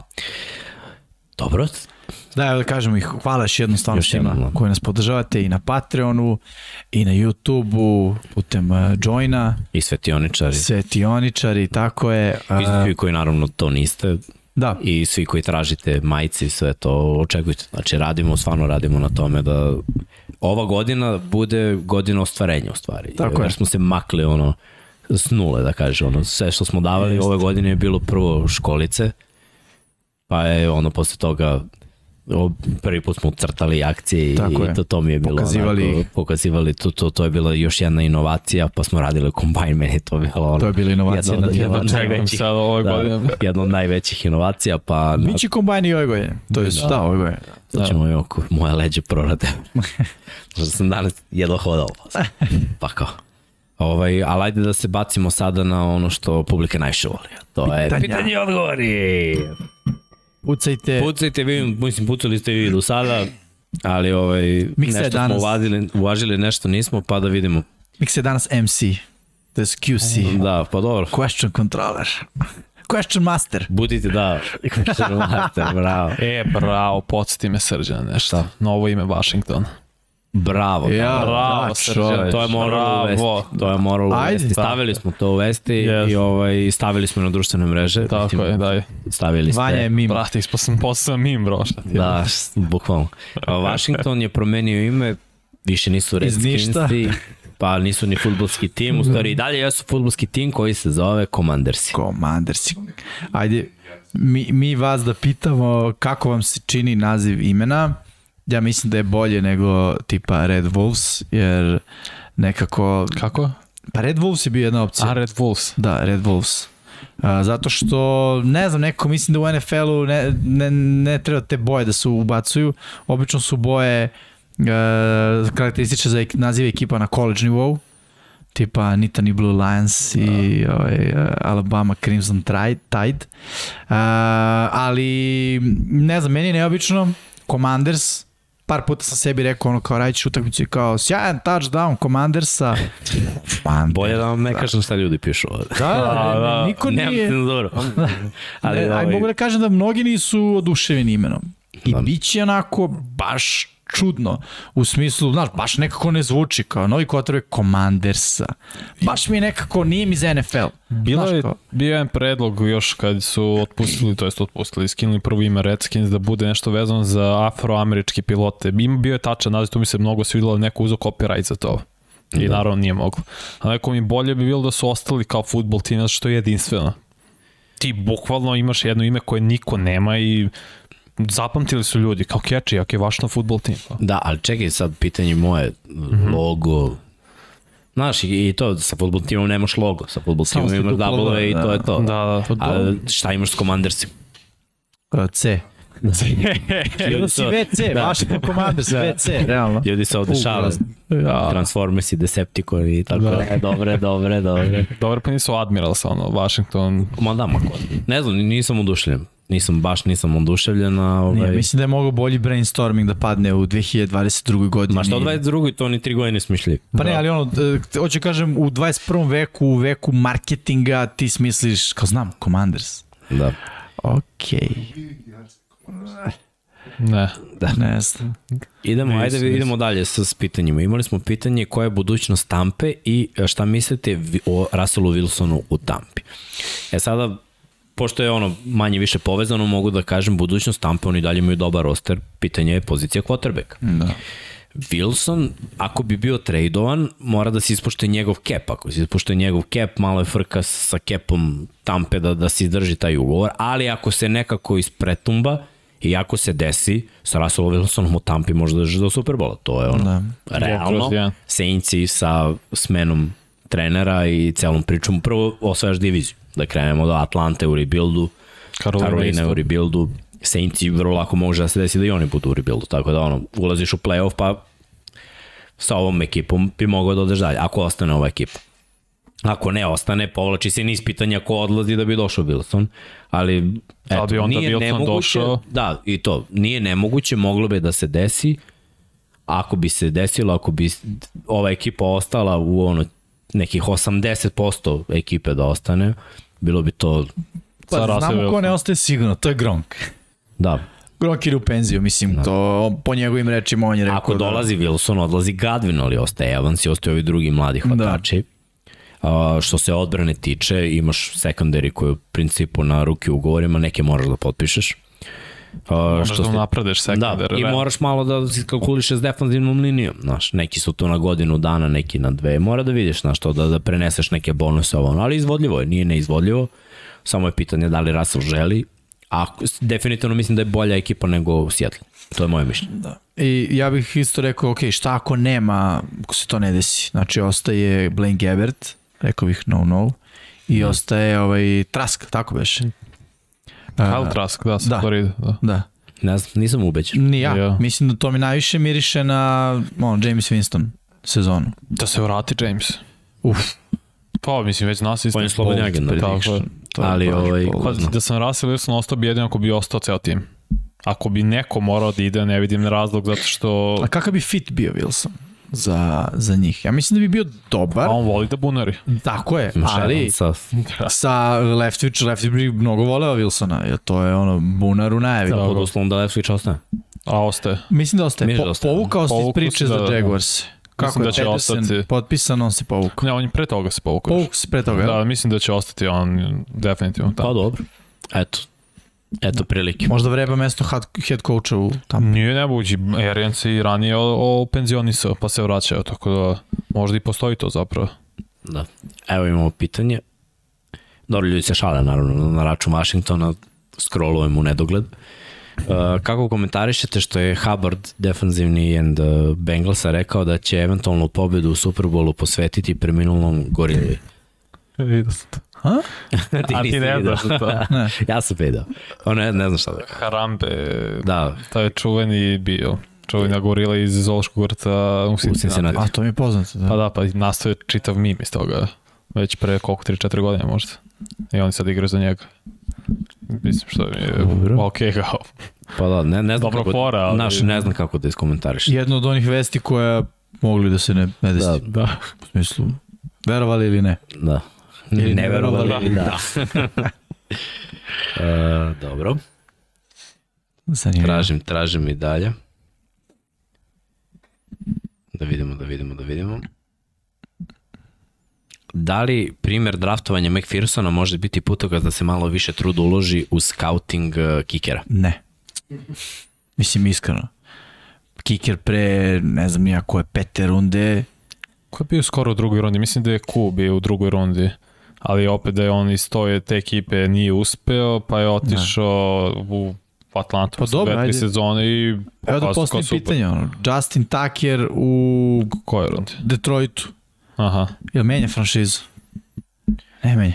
McPherson u Detroitu menja franšizu, ne menja. Tako da, vi, uh, ovako, kao i pozicija quarterback, uh, pool, odnosno ono, izbor je ogroman, prevelik. Znači, koliko ima univerziteta, svako ima kikera. I pozicija, ne mogu da kažem da nije bitna, mislim, pozicija je bitna, ali se futbol ne kreće u smeru rezultata 3-3, nego ono, 50 nešto, 50 nešto. Uh, tako da uh, razmišljati o tome da draftuješ kikera visoko ili da sam mislim da se razumemo, postoje skauti za kikere, logično i svaka NFL ekipa kada draftuje kikera veruje da on može, videli su nešto na koleđu i ali jednostavno pozicija je specifična, znaš, tebi za kikera, on uspešno kikera u NFL-u treba neko ko, ljudi morate razumeti, mislim, ok, većina ljudi nije igrala, ali, mislim, ja za vreme utakmice progovorim nula reči s kikerom, pretpostavljam i ti. Pa osim ako sam holder. Ok, Znaš, znači, ajde da kažemo da osim holdera ljudi ne početku- razgovaraju s kikerom, ne što ga ne vole, nego ne, nemaš pa, temu, nemaš nemaš temu. Da. Na On početku ne- on- utakmice malo ti punter šutne loptu ako si returner ili Tako je. ono, vratiš koji Nemaš- kick-off, ali to je to. Nemaš temu iz prostog razloga što pričam sa aspekta igrača, sad Da. kao trener priča s kikerom logično. ali ovaj uh, ali da budem iskren to zna naš kiker, ovaj ja Bude- većinu deo treninga ne znam šta on radi. Ne kao ne znam, ne poznajem, nego imam poverenje. Naš kiker je nama pokazao da je on ima ono što treba za kikera. Ja imam poverenje da će on da, da, da trening uradi na dobar način. Uh, ne kažem da je u NFL tako, naravno oni su profesionalci, on ima svog trenera, uh, radi se na određenim stvarima, to je apsolutno to, ali hoću da kažem da ono, uh, igrači ono, često u NFL-u kikera zovu samo po broju. Kao, number 6, number 5, ne znaš mu ni ime. Jer u krajnjoj liniji ne komuniciraš sa njim. A ne komuniciraš sa njim iz prostog razloga što samo u jednom delu igre možeš da se spojiš s njim, to je specijalni tim. Mm -hmm. Ti ako si top igraš svoje ekipe, ti ne igraš specijalni tim. A i draftovanje kikera je vrlo specifično, jer koliko god je kiker dobro, imam se primjer Zurlajna, ako on počne da maši, to njemu uđe u glavno, to je postaje mentalna stvar. Pa to ako da njemu klikne u glavi, o, kao, Vidio? maše samo ovo, je ostaje mu u glavi, to je pozicija. problem. To je ovakva pozicija. Ti si sam, niko ne priča s tobom, a kad promašiš, niko te ne voli. Tako je. Kad pogodiš Ti reći kriv. bravo, bravo, bravo, ali mislim, realno, ono, neko je dao druge poene, znaš, nisi ti izašao i šutno kikao pogodio tri poena. Nego, neko te je doveo da šutneš tri poena. A i U fazonu- podrazumeva se da pogodiš. apsolutno se podrazumeva da pogodi. Tako da je e, sa psihološkog aspekta vrlo nezgodna pozicija. E sad kao moj kako kaže, pa da, ba da treba ga draftuješ visoko, da, ali ćeš češće da promašiš. Mislim, kad pogledamo veliki uzorak Nagrada igrača. i rizik, to znaš, ono, koliko benefit rizikuješ kad, analiza je- kada, znaš, pljusneš visokog pika, mogu si da doveš nekog dobrog igrača, je. znaš, nije ti isplatilo. ovaj, kako se zove, što ga je Tampa draftovala u drugoj rundi. E, njeg, da, treći. Tampa. je- Aguero, nije. nije Jest. Aguero. Nije, nije Tako Aguero. nešto, da, da. Aguero. Tako nešto, da. Ne Nešto mogu da se tako. setim, jeste bio neki latinos. Da, da. Pa ništa, ono, dve sezone i Ma. prijatno doviđenje. Da, eto, nadam se da smo odgovorili. Uh, Jimmy G u Steelersima. Mislite li da bi to bio dobar fit? Ne. Zato što mislim da Steelersi žele da nastave uspešnim putem. A, jer rekli smo već... Jimmy G je pobednik. Pa ne, Jimmy G može da bude prelazno rešenje i okej. Okay, mislim, Pa nije, njima i treba prelazno rešenje. Tako je. Tako, to što ja kažem, nije nelogičan potez da on dođe tu. Ali već smo rekli, moraš da traduš, znaš, za njega. Ok, ja sam otišao korak dalje pa sam rekao Denver, jer mi neko Denver deluje pa kao nešto mlađa ekipa koja Mogu možda da može te da... pitam nešto, koja je razlika trenutno između Denvera i Pittsburgha?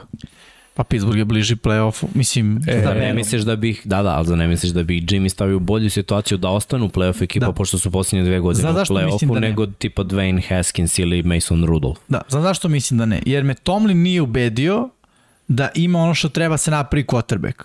Realno, draftovali su Bena, pogodili.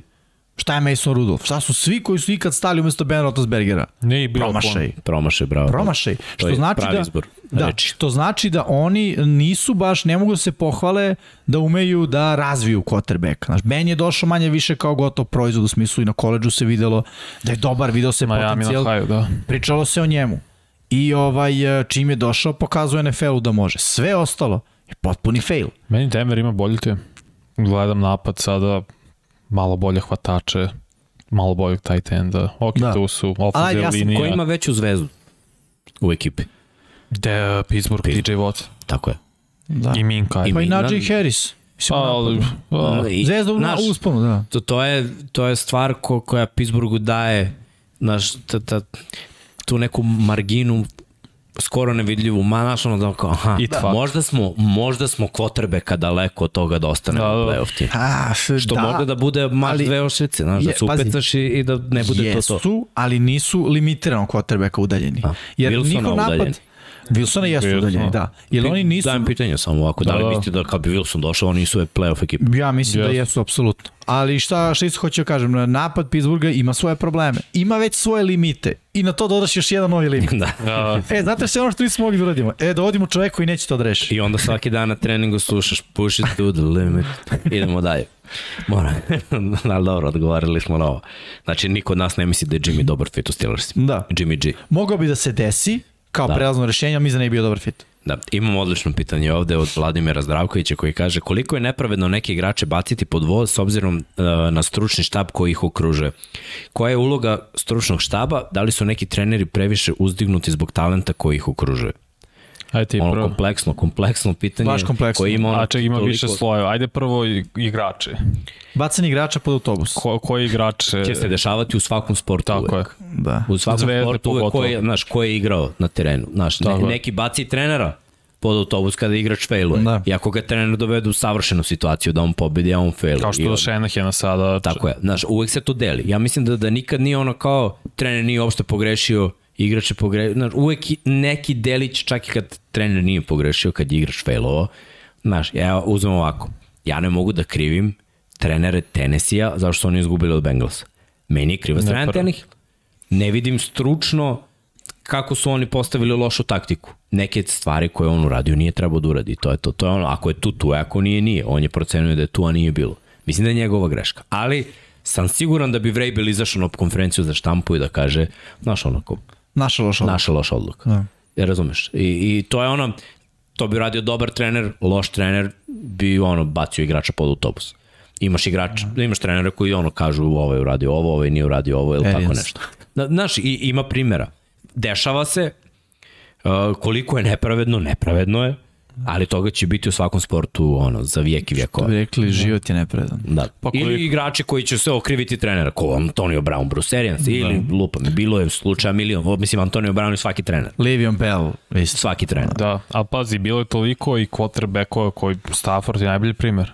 A Stafford je kriv, zašto Detroit ne može bolje, znaš, i bilo je i obrnuto, ne sta, uh, Lions limitiraju Stafford, ali dosta se stalno se gleda na poziciju quarterbacka kao glavnog krivca. Objektivno gledam. Dobro, to je, ej, to je igrač koji ima loptu u svakoj akciji. Tako je. Na, sigurno nećeš da kažeš Kio, ono, ne znam, peti hvatač je kriv. Tako je, Rodgers, on je kriv zašto nisu osvojili Super Bowl, to što je odbrana primila 35 pojena po meču, to ne veze. Da, Ti si glavni. što nisi dao 40. Tako je, Dobro, poznat si kao neko ko daje 40, 35 plus i tako onda je. od tebe se očekuje da daš taj, taj jedan više. E sad, drugi deo pitanja, da li su Prvo, neki Koja treneri... je, koja je uloga stručnog štaba? Uloga stručnog štaba, ono koje bi trebalo da bude ono najbitnija, jeste da znaju kakav kadar imaju igrački i da znaju da izvuku maksimum iz svog igračkog kadra. To je meni broj 1. Ti ako imaš hvatača koji trči 4-2, mo, i, a ne znam, nizak ima kratke ruke, ne možeš da ga staviš na liniju skrimidža da igra outside sa cornerbackom koji je 6-4. Samim tim pokazuješ da ne znaš da koristiš mis, mismatch. Da. Ali ako ga šetaš u motionima i puštaš u release sa 2 yarda dubine da može da iskoristi svoju brzinu, ti možeš da napraviš čudo. Mm. To znači da poznaješ svoj igrački kadar i znaš da napraviš mismatch. Ako imaš taj tendo od 2 metra protiv cornerbacka od, ne znam, 5-11, 50, baci mu lop protiv tog igrača. Zašto? Zato što ne mora ni da skoči, već ima visinsku prednost za takvu neku stvar. I tako dalje, i tako dalje. Ako moraš da znaš svoj stručni, uh, svoj igrački kadar i moraš, da, ako si glavni trener, da znaš svoj stručni štab i da ih kontrolišeš u svemu tome da svi radite kao jedna jedinica. To mi je ono prvi osnovni zadatak. Onda druga stvar, da budeš normalan kao čovek, kao psiholog, da znaš da, da ne kinjiš igrača, da imate dobru hemiju, jer ako imate dobru hemiju, dobre stvari se dešavaju. Nigde nisam video da, da se ono, da, da vlada neki razdor u ekipi i da oni osvajaju. To mi je ono nemoguće. Znači da. morate da budete svi, svako od vas ne sme, da, mo- mora spusti nekad gard, ne možeš da budeš egomanijak. Znači ako si ti u pravu, ja vidim da si u pravu, ja ne mogu da furam svoju priču do, ono, do, do, do kraja, moram da kažem, ok, ti si u pravu, ajde da svi zajedno uradimo tako kako si ti rekao. I, i to je meni ono, uloga stručnog štaba. Sad ima trenera koji operišu drugačije i uspešni su. Ja sam siguran da Bill ne kaže ti si u pravu, bit će po tvom. Možda i kaže nekad, znaš. Da. Samo što je stvar što ljudi se ne ohrabruju da mu priđu Možda kontra idejom. kaže nekom kao Tom Brady što je Tako je. kupio godine i godine i, i to znamo, delili su. Aha, to vidiš Vidi. ti tako, da, upravo si I možda jeste tako bolje. Lawrence Taylor je isto to pričao. Jeste. Da je zato vola Beliček. Što mu on dođe sa predlogom i on kaže dobar predlog. Znaš, okej. Da. E, znaš sad da je is- Bill rekao za tipa 4-5 igrača da im je pustio to da kažu. Znaš, to mi je, znaš, to je, a sva četiri igrača su Hall of Fame.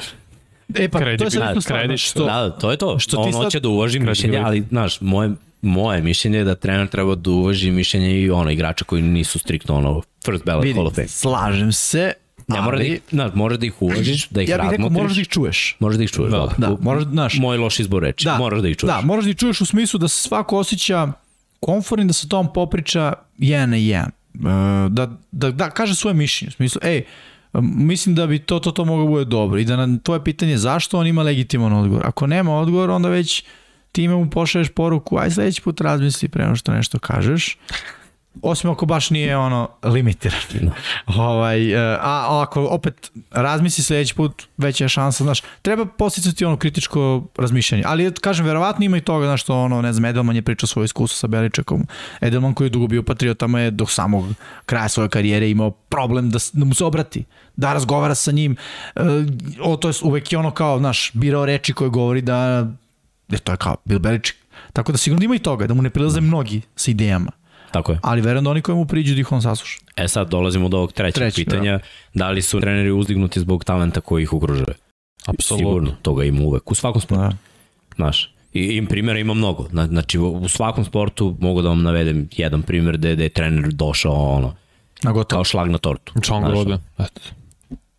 Sa Tampa. Aha, Kad je on je Da. da. preuzeo tim Tonija Danđija odmah te godine Super Bowl. Zašto? Što si imao najbolji odbran ligi. Bruce Arians sa tampom. Isto, Znači opet. ti najskoriji primjer. jeste. Bruce Arians je koji, ono, on sam ništa nije uradio dok ovde nije došao Tom i ova ekipa pretalentovana. Tačno. Lepo je sklopljeno, ali on je jedan Vidjet od ćemo primjera. sledeće godine zapravo. Tako je. I, mislim, moćemo još da vidimo. Što je Od ovih igrača on nije napravio ni jednog. Pa i je Znači, sve nasledio. su bili isto. tu i Gadvin, i Evans, i Tako je. ono, malo su draftovali odbrani, mislim da nije on, nego ono, da, da, da ipak GM to odradio, tako je, veći posao i onda je falilo samo jedno, Tom, onda je došao Tom i mnogo toga se menilo u tom napadu negde na polovini sezone i, i deluje mi sada koga god da staviš u tu tampu osim nekoga ko je pre talentu, ali opet to je ono, imaš sva oružja ovog sveta. Tako, Mislim da, da, da li je situacija. Lefler u toj kategoriji? Nije. Mislim I da ja nije. mislim da nije. Jer Zbog ovaj, ove sezone. Ja, ovo, ovo su već tri dobre sezone. Da, tri dobre sezone za njega.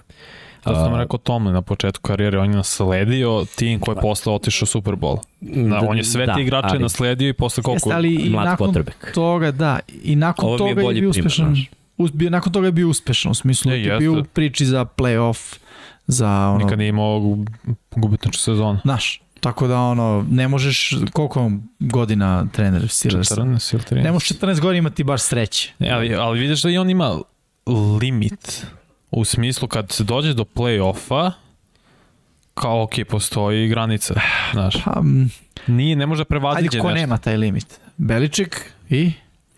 Ja bi tu stao. No. Mislim, realno, znaš, šta, šta, šta znači limit, ono? Pričali smo o limitu Andy Arida, mislim. Yes. On, ali pazi. Ti sa Šenahera može reći da ima limit.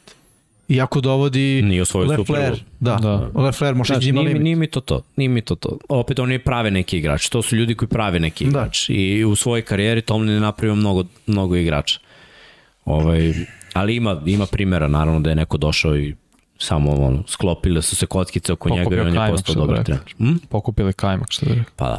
Mislim, e, vidjet ćemo, imamo sad mlade trenere koji su uspešni, ali tek ćemo videti da, da li je, znaš, u čega je to produkt. Evo, uzmi i Bengalsa koji su sad u Super Bowl. Da li se samo poklopilo Tayloru da su mu stavili ono na tacnu Burrow, Higgins, Chase, Mixon. Da. I ono, sasvim solidna odbrana i ono i sve se poklopilo. Sad dajte još 4-5 godina ovoga pa da vidimo da, da li radi Tako posao je. i kako, kako to ide dalje. Uh, da vidimo, da vidimo dalje. Da vidimo još neka pitanja. Da. A Evan West, izvini, kolci su potpisali uh, Gasa Bradleya kao defensivnog koordinatora. U, to je dobar potes. Da. To je baš dobar potes. Da li mislite da će Flores biti DC negde nakon svega?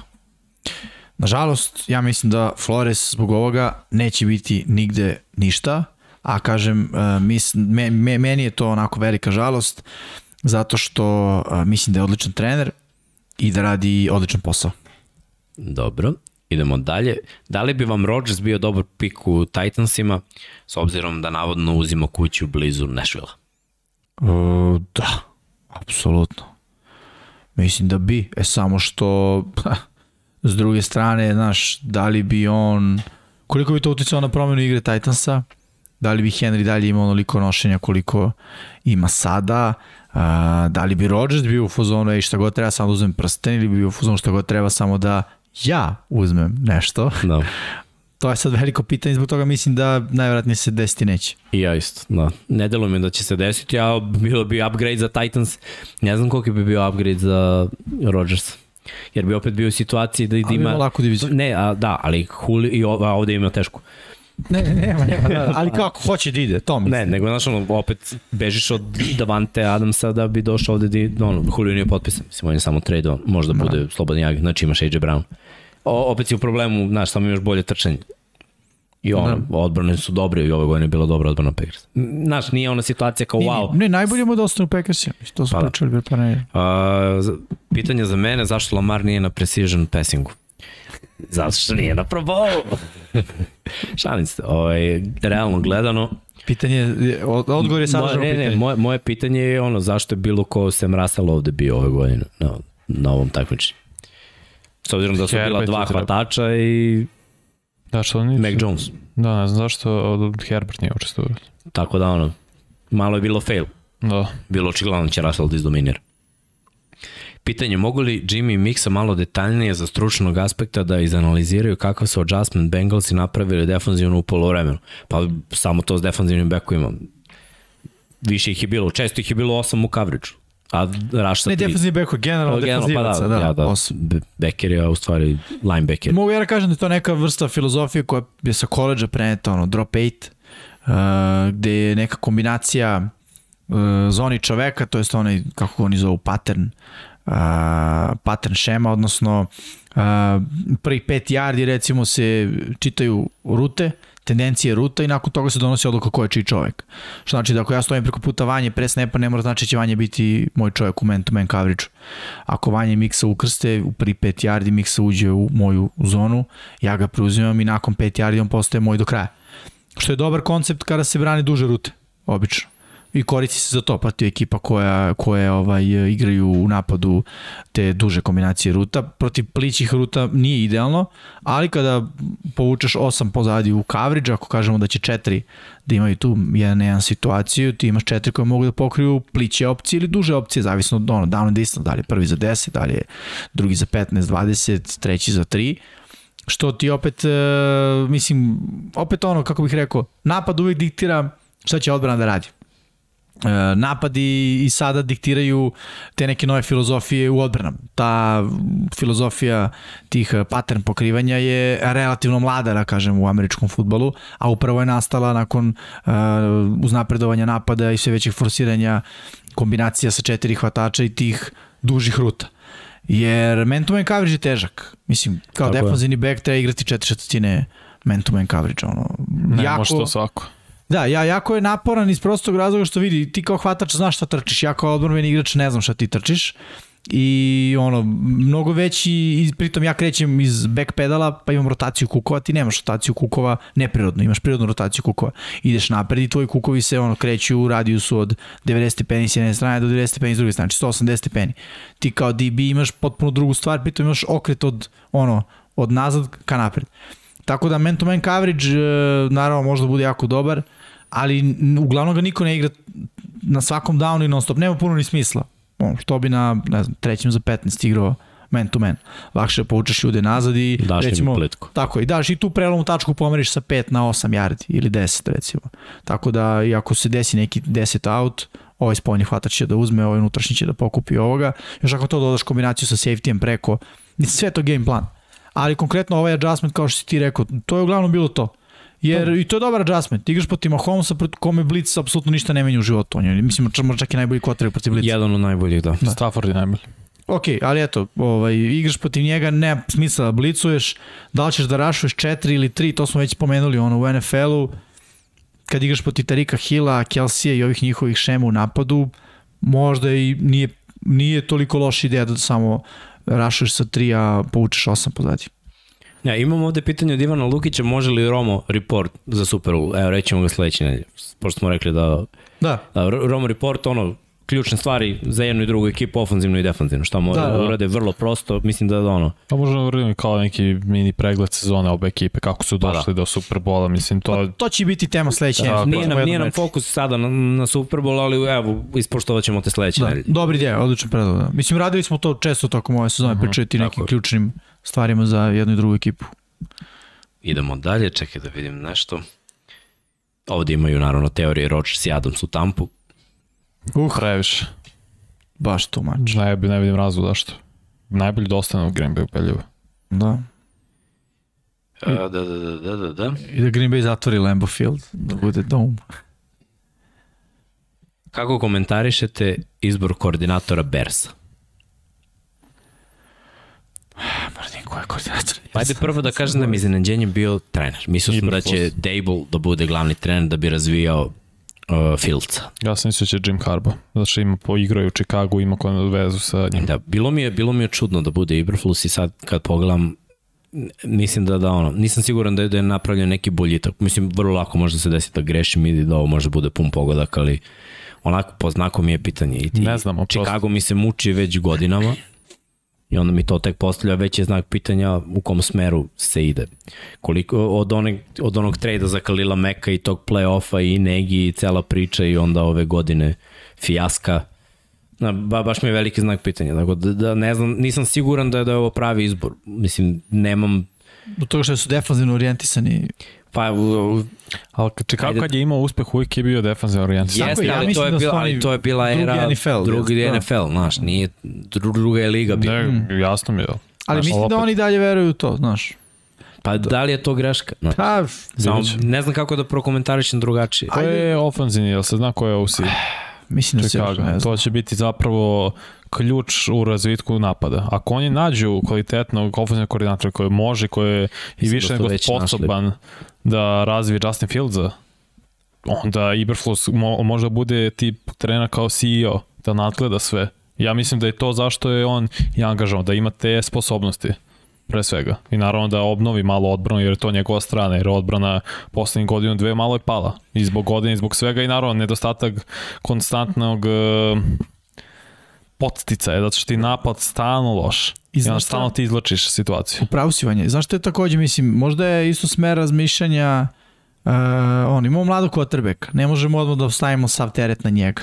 Ajmo teret na odbranu i da mu na taj način damo dve godine onako ušuškane, da on, znači on u svojoj trećoj u tom trenutku uh, bude već mnogo bolji, znaš, da, da ne bude kad, da ne budu u situaciji moramo, ako bi ćemo da pobedimo moramo da damo 35, nego aj neka budu u situaciji ako ćemo da pobedimo ono, primit ćemo ne znam, 14, ajde da damo 17. Jer to je realnija priča za mladog quarterbacka. Evo, šalje mi Srki, bivši asistent Green Bay Packersa, Luke Getski, Getsi je zapravo ofenzivni koordinator. Da. Što ima smisla. Pa ima, znaš, šta- šta sam vidio od njega, ne znam. Istina. Koliko je njegov playbook bio, koliko se on pitao, sad će se pitati. Ni, koliko razvija quarterbacka, šta je mu Green Bay. Rodgersa. Znači, ovo je downgrade, ozbiljan. Znaš, nisam siguran. Baš nisam siguran. Da. Od glavnog trenera pa nadalje nisam siguran uopšte u izboru Chicago. Uh, King Henry u San Francisco, da li mislite da je moguće? Ne. Prvo Ne. imaju ruki ugovore sa playmakerima, Mitchell Bio je monster. vrlo dobar, ima skoro 1000 yardi, ni igrao šest tekmi. Imaju, da, dobro za Mozarta, mislim da on ide cut, ali tu je Wilson, tu je Dibo, Nema, Nema potrebe. point. Da. nema, bukvalno nema point. Uh, da li Buru može dobiti neki Supermax ugovor veći od Mahomesovog? Uh, mislim da, da takve ugovore NFL Ne. neće ono primiti, to je onaj jedan u, u milion ugovor na 10 godina sa, sa tolikim novcem. Mislim da neće sada svakako. Ako osvoji da. Super Bowl, Ali ne, ali nema potrebe. Mislim, on može da igra za njih na ruki ugovoru još dve godine. još Da. dve godine. Da. I s opcijom one tamo, ali da, Da. da mu daju ugovor koji je tipa na 5 godina. Pa vidi, ako bi do okej. tog trenutka osvojio dva Super Bola, sigurno da bi razmišljali u smeru ugovora sličnog. Pa dao bi mu pet pa bi produžio. Ne bi Znaš zašto? Zato deset. što ba, Baro je sada već samo godinu dana mlađi od Mahomesa. Ali postoji velika razlika. Mahomes kada je dobio taj ugovor, ugovore su imali Tyron Matthew, Chris Tako. Jones, uh, Tyreek Hill, Travis Kelsey, to su bili uh, top tri ugovori na njihovim pozicijama, a neki su bili ono najplaćeniji na svojoj poziciji. A ovdje su Trenutno u mladi. Bengalsima nema igrača koji ima top Kendricks. 3 ugovor. Ja, Jesi siguran da je top 3? Mislim da je top 5. Pa to ti, dobro, ali top 5 nije top 3. Kendrick, ali treba se plati. Mixon je plaćen 10 po sezoni, ja mislim. Pa on je Ili isto to 12. približno. Da. Tako da ono, ajde da kažemo da je on jedini ugovor u nekom vrhu, ovi ostali nisu, tako da nema potrebe da daješ. Oni su dali taj ugovor da bi mogli da prebace njegove novce za rebuild Za kasnije, godine, da. za, za od Da. četvrte, pete ugovoru pa nadalje, a Sinsi to ne mora. Mislim da mogu da izdrže. Sinsi će morati drugi igrača isto plaća ranije. Da, ali će platiti Baro dobre pare, sigurno. A da. Sigurno pa ide u tom smeru, ali ono 10 godina, to, to sumnjam. Da. Čekaj da vidimo dalje.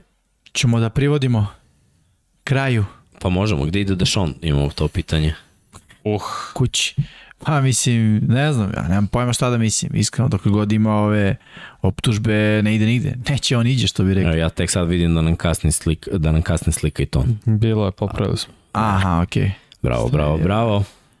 Dešon, bio sam ubeđen Miami, ali nakon da po ovih priča da zapravo ga vlasnik ne želi Steven Ross. Pa, nemam ideju, iskreno, ko bi mogao da traduje. Mislim, treba mnogim ekipama ko treba da se razumemo. A treba, ali da. Karolina bila Pa je možda. zainteresovana. Zašto ne? Sklopljen tim imaju Da. donekle uz Dešona Pravo si, a Tampa? Cap 40 miliona. Da. I realno i divizija ta je manje više otvorena sad kad nema Brady-a. Zašto da ne Karolina? Da. Mlad tim imaju dovoljno kepa da potpišu Watsona, imaju solidne i playmakere, kao, Pazi ima s- smisla. Kad bi on došao u Karolinu, to je ozbiljan potres u toj diviziji. Da, Da. Pa gde god ode, bit će. Da. Ta ekipa se menja Ali, drastično. mislim, u ovoj diviziji baš, jer Postaješ favorit. odjednom, znaš, ako Tampa ne dovede nikoga od ovih iskusnih quarterbackova, ja ne znam uopšte, znaš, mene da budem iskren, ne, ako Tampa ostane s onim što sad ima kao quarterback, Ja vidim Falconse kao šampione te divizije. Da, nije Lagano. Iskreno Nije lagano. moguće. Saintsi, ne, ako ni oni, znači ako, Ja ako Russell Wilson ne pa da. jednu drugu ekipu. Dakle, Hajde tako da kažemo, da nazovemo stari pravim imenom. Kao ni Rodgers. Ja vidim tu Falconse kao kandidata broja. mislim bi da Sean ozbiljno trebao gleda Karolina i oni njega. Ma NFC, Ovo je prilika... u NFC ima 3-4 ekipe. Ma da, a ovo je god prilika da iskoristiš to, znači slaba divizija koju nemaš sad pogled da će biti bolje, prvo zato što nijedan tim nema quarterbacka playmakere. tu. McCaffrey-a, ono koji će se oporaviti. Robbie Anderson, ovaj... Tu ti je Moore. Čuli su Moore. pričali trade McCaffrey. A ovo bi A sve da, to menjalo. je ono, priča zato što nije od, povredio se, ali veća priča treba da bude kako radiš s njima i kako ga koristiš. Nego da li ćeš da ga traduješ. Ono, smanjimo malo workload, Workload, i da. To bi bit će Pa drugačije. Dešonom bi mu se smanjio workload. Da. Pa, definitivno. Ono, znači, upola. Pa da, Ne bi bilo potrebe. Ne, ne bi bilo forsiranje do smrti. Crni Jaguar. Da. Bukvalno. E, ništa, ajde, ajde da privodimo kraju. E, pišite komentare pa ćemo mi odgovarati ovako. Nadam se da ste uživali. Još jednom like, subscribe slobodno. E, što se tiče sledećih emisija, eto da kažemo, pro, pro Bowl će biti, vidio sam tu neko pitanje, u 9 na Sport klubu 2. Što se tiče sledećih emisija, očekujte znači, sledeće nedelje najavu za Super Bowl, nije bilo sada jer mislimo da ima dovoljno vremena da lepo sve to spremimo i da napravimo neke grafikice i tako dalje. Što se tiče prenosa Super Bowla, naravno na kanalima Sport kluba, sve u direktnom prenosu sa sve studijama, kako će da bude to, to ćemo tek da vidimo. Da. I ovaj, što se tiče od nas, nadam se da nismo bili ovaj, dovoljno monotoni ovako bez Srkija koji je tu nek, u, uveseljivač. Tako je. Ma, malo nam fali ovaj, da, da, da, changer. romantizma. Da, da. bukvalno diktira tempo. Ali tu je sledeće nedelje, tako? Da. Nije. Ne. Oh, Ne dolazi ni wow. sledeće nedelje. Puh, Pa bolje bi mu bilo da donese iz tog čila. Neki chill, chill. ja, šalu na stranu. Nadam se da ste uživali i nastavite da pratite Infinity Lighthouse pa do sledećeg petka. Veliki pozdrav. Ćao se.